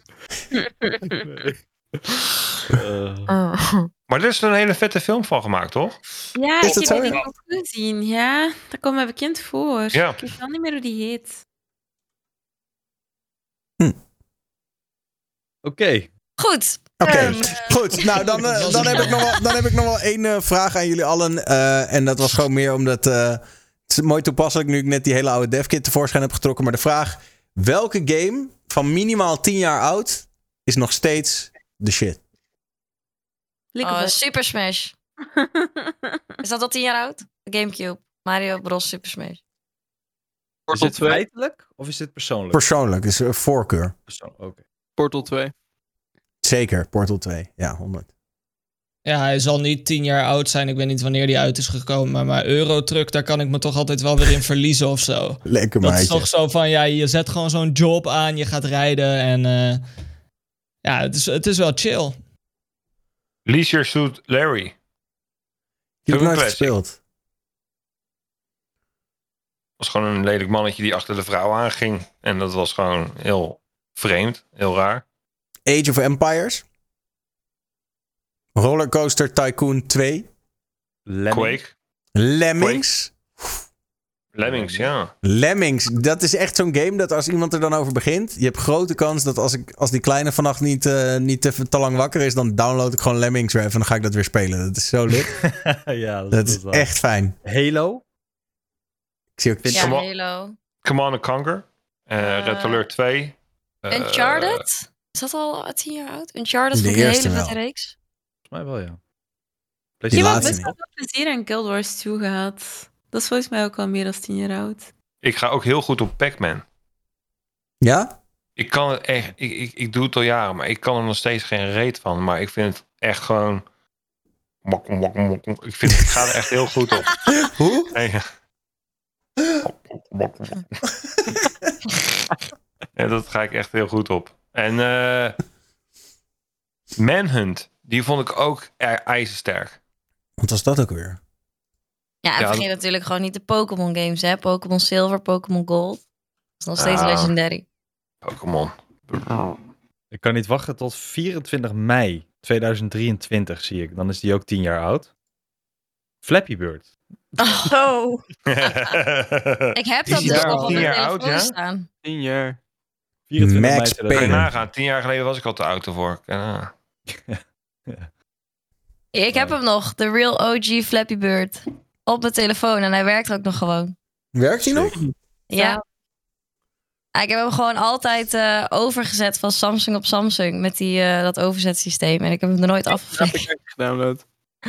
Kan je goed Dus, verkopen eh, hoor. Ja, dus ik kan hem nog gewoon spelen. Top. Bij mij is hij volgens mij wel op een gegeven moment verdwenen. Ja, jongens, ik heb nu sinds een week een iPhone. Oké, ik voel me voor de rest een boomer, maar ik heb ook nog steeds deze telefoon. Daar staat hij nog op. Maar, maar, maar, Sorry, altijd, chat, sorry. mijn all-time favorite is nog steeds eh, de eerste Ninja Turtles game. Die daar echt, dat, daar heb ik echt eh, de helft van mijn, eh, van mijn jeugd mee gespendeerd, geloof ik. Dan kon je ook co-op met een vriendje. Dus eerst moest ik eerst vrienden maken, weet je, en die dan uitnodigen om samen dan. Mocht ik nooit Donatello zijn, verdomme. Ik Hij staat Mario wel- Galaxy ook wel echt heel A2 sterk. racer zag ik in de chat. A2 Racer was lit. Alleen ik heb wel het gevoel dat, dat die, die 3D-games minder zeg maar, met hun tijd meegaan dan dingen zoals de eerste GTA van bovenaf. Eh, ja, ja, ja, ja. ja. Ja, ik heb hier nog een PSP liggen. En daar heb ik toen eh Grand Theft Auto Chinatown op gespeeld. Die is volgens mij nooit heel populair geworden, maar die was ook een soort top-down of zo. Ja, hard. GTA Londen, man. Dat was ook de bom. Oh, voor het eerst in een die mini Vice. City Stories, GTA, man. Op de. PSP. Vice City Stories. Dat was fantastisch. Ja, heerlijk. Ja. GTA Original, ja, ja, ja. Maar die Maar eerste even. was echt lit. En dan die Ja. soundtrack. Ook hard. Zo. Tony Hawk. Oh, ja, Tony ja, ja, ja. Hawk, man. Ook hard. Die is echt heel hard En inderdaad. wat dacht je van deze? Classic. Zo, A2 dat is een collectors item? Ja, Dit- toch? Dat is, ja, heel A2 goed. Racer Goes USA. En deze? Red Cat. My man, Oh, Red Red Cat. Cat, Red ja. Cat was met Ja, ja. Niffo, man. Oh, Davilex. En nu komt hij met Freddy Fish. Let op. Freddy Fish, kom maar. Sorry. Red Cat was wel echt een bom. Carmageddon was ook was ook de shit, hoor. Tja. Totdat hij gepatcht werd. Toen, eh, toen was het opeens groen bloed. Toen was het opeens... mm. Wat was er mee? Oh, want het, werd- het was te agressief of zo, toch? Het was helemaal in het nieuws Ja, geweest dat eh too Carmageddon en eh, ja, kinderen gaan nu eh, de auto van hun ouders pakken en mensen overrijden en zo. Ja, dat, dat geluid als je dan een oud omaatje met, eh, met een wandelrek eh, kapot maakte, weet je al. Even, geweldig man. Ik zie Ja, het niet. Nee. Nee, Genieten. zeg alledaags. Mag ik jullie hartelijk danken voor eh, deze week. Maar niet voordat jullie eh, even verteld hebben wat jullie allemaal gaan uitspoken de komende tijd. En waarom mensen jullie vooral eh, moeten checken. Milan. Oh, shit. Oh, nou, ik heb hier toevallig mijn promo kaartje liggen. De, Milan, Knol Show. Ja, toch. Dit is, eh, ik heb nu twee afleveringen daarvan gedraaid op de zaterdagavond om 8 uur. Ehm, en de Milan Knol Show is iets wat ik eh, ongeveer een maand, twee maanden heb eh, ehm, eh, eh, georganiseerd en geproduceerd en noem het op. Dus, dus ik ben niet de enige die eraan werkt. Dit is twee deelnemers tegen elkaar. die gewoon thuis zitten, net zoals dat jullie thuis zitten. En dan, is- dan is het een soort van kennisvragen met vijf rondes. En dan moeten ze een puzzel oplossen. En dan moeten ze een CITO-toets doen. En dan moeten ze dingen tekenen en uitbeelden. En dit zijn allemaal tegen elkaar. En het is hartstikke leuk. En het heet de Milan Knol Show. Zaterdagavond 8 uur. Eh, volgende week met Shahid Sharak tegen Mees Dix. Ehm, en eh, volgens mij ga jij ook een keertje meedoen, toch Daniel? Ik doe zeker een Ja. keertje mee, ja. Ja, en ik, dus er komen zes afleveringen totaal. Eh, volgende week zaterdag is de derde aflevering. En de andere twee afleveringen staan op mijn tweede kanaal, Milan Knol 2. Dus dat ga ik doen. Ik kan niet wachten tot zaterdag 8 uur. Want het is echt een van mijn favoriete dingen om te doen. Live dat te hosten, de Milan Knol Show. Met cue-cards en alles. En insert flauwe Nou. grap over dat het maar goed is dat de kandidaten thuis zitten. Want Shahid eh, kan momenteel niet eh, met de auto komen, heb ik het vermoeden. Nee, nou ja, ik stuur dus iemand. Dat is het grappige. Ik stuur dus iemand naar Shahid toe. Iemand. Oh, hè, met een- dus. Nou, dat is waarom ik dus iemand in dienst heb. Het is gewoon niet je werk, eh, werknemer, is gewoon je sletje. En een camera. Juist, ja. ja. Dus, eh, maar ik, ik ga YouTubers en Twitchers doen, dus het wordt een mix van eh, Kleine John en eh Chatmo komen een keertje. Voor Twitchers zegt het waarschijnlijk niks, maar het zijn ook grote Kleine John is lid. Ehm, Chatmo is ook jij- een ja. Morrel gaat volgens mij een keertje meedoen nog. Volgens mij gaat jij tegen morgen zelfs. Eh, dus het is allemaal niet echt geheimzinnig of zo. Maar het, het zijn allemaal leuke mensen en zes afleveringen staan ingepland. Dus ik, eh, ik kan niet wachten om dat allemaal te doen. En, eh, sorry, dat was hem. Maar ik ben daar heel hoor. erg enthousiast over. Ik word daar helemaal, eh, helemaal hard van. Is het Wat? de Milan Knol show, show of de Milan Knol show? Nee, het is echt de. De. Er staat echt in het geel de. De, oké. Shout-out shout naar Going Nuts with Graphics voor dit. Ja, zo. Ja. Oké, twitch.tv slash Milan Knol voor de Milan Knol Show. Eh, lekker, Eh, tot binnenkort. En Remco, Awesome Daddy Gaming. Eh, deze week, eh, even kijken hoor, morgenavond nog streamen. Eh solliciteren, solliciteren. eh, dingen regelen voor het nieuwe huis. Ehm, pff, eh, op de DM wachten van Milan. Eh, voor de rest, ja, eigenlijk niet zo heel veel. Jullie Voor Remco, let's go. Oké, nou lekker. Ja, rest, Succes eh, met verhuizen. Ja, is in december pas hoor. Dus, eh, Oh. Maar ja, we hebben de- deze week hebben we nog een paar kijkers. Vorige week hebben we echt best wel een bak kijkers gehad. En eh wil hopelijk het zit er wat tussen. En dan kunnen we in december eh, de Randstad uit. Lekker man. Twitch.tv slash Awesome Daddy Gaming. Demi. Ja, eh, morgen gaan we met de community op eh, de stream een nieuwe game testen. Evil. Soort weerwolven, Among Us, eh, Town of Salem. Maar dan loop je echt door de stad heen. En zo moet je ook echt huizen in om je, eh, nou ja, je slachtoffers te vermoorden, et cetera. Dus dat wordt wel leuk. En ik ben een, een beetje aan het nadenken over een kappa kook slash bakstream. Dat eh, is een ideetje wat ik in mijn achterhoofd heb, wat binnenkort waarschijnlijk gaat gebeuren. Leuk. Ja. Ben benieuwd. Twitch.tv slash Dame underscore i. Ehm, thanks. Lien. Eh, ja, ik ga komende week twee keer live in plaats van drie keer, want het is Amsterdam Dance Event. Dus ik ben voor mijn werk eigenlijk veel op pad, elke dag. Dus dinsdag en zondag, eh, dinsdagavond, zondag eh, overdag ben ik live en kan je me vinden. Maar voor de rest geen specials. Misschien zien we elkaar nog als je Slam weet te vinden. Kom even langs. Die weet ik te vinden, ja, zeker. Vrijdag, geloof Nou, ik. gezellig. Leuk, leuk, leuk. Vrijdag ben ik er ook. Leuk, dus dan zien we elkaar daar. Ehm, cool. Twitch.tv sla- slash stream with Lien. Nessie. Ik ga volgende week terug beginnen werken na een weekje vakantie. Dus dat is altijd even rustig aan terug met stream beginnen. Eh, omdat ik me altijd wel moet aanpassen. Maar zaterdag gaan wij naar de Friday Night in, ehm, zeg het eens, in eh, Walibi. En gaan we ook de IRL eh, mee aanknallen. Dus dat is, eh, dat is wel tof. Je bent Kijk veel in Nederland deze dagen, hè? ja, ja, maar ik, ik, het is eigenlijk echt grappig, want ehm, het is altijd een beetje mijn droom geweest om terug in, in Nederland te gaan wonen. Want ik heb er heel hard naar mijn zin gehad. En eh, toen ik terug naar België reed, na Dreamhack, belde mijn vriend mij op en zei die, kom, doe dat gewoon, we gaan, we gaan volgend jaar in Nederland wonen. En ik zei, oké. Hm, Laten we dat doen. Eh, ja, ja, dus ik denk eh, vanaf volgend jaar dat ik, ik waarschijnlijk terug in Nederland ga wonen. Dus ik wel, vind het wel fijn. Lekker. Nou ja, Ja. we gaan het meemaken. Maar sowieso heel veel plezier. En ook met de IRL's en zo. Dank je, dank je. Heel vriendelijk. Dus twitch.tv slash Nessiroe. Ehm Fakey. Fake streamer. Eh, ja, ik ga aankomende week eh, gewoon weer twee keer live, net als altijd, dinsdag en, eh, en donderdag. Ja, ik, ik zie eigenlijk altijd wel wat ik doe. Het is een beetje variety. Maar de planning is om samen met Mattia ook wat Grounded te gaan checken. Dus ja, dat eigenlijk. Leuk. Nou, we komen zeker even kijken. Twitch.tv slash fake streamer underscore. Gary. Nou, ik heb een nieuw concept. Dat is de, de Gary Miller Show. En dan gaan twee mensen tegen elkaar eh, ehm, strijden. En ik heb twee van mijn kijkers, Shirley en Jelle. En als een Daddy Gaming, die haalt ze op. En eh, ja, dan gaan we gewoon leuk, eh, weet je, op afstand. Hoe, hoe oud is Shirley? hoe oud is Shirley? Eh, hoe oud is Shirley? 28 denk ik of zo? Ah, een beetje aan de oude eh. Nee. nee, ik ben, ik ben een tijdje niet, eh, niet live geweest op Twitch. Ik doe gewoon lekker met Just Chatting. Ik ga weer IRL oppakken en lekker chillen. En ja, vooral zondagavond vanaf 9 tot 12 elke zondag.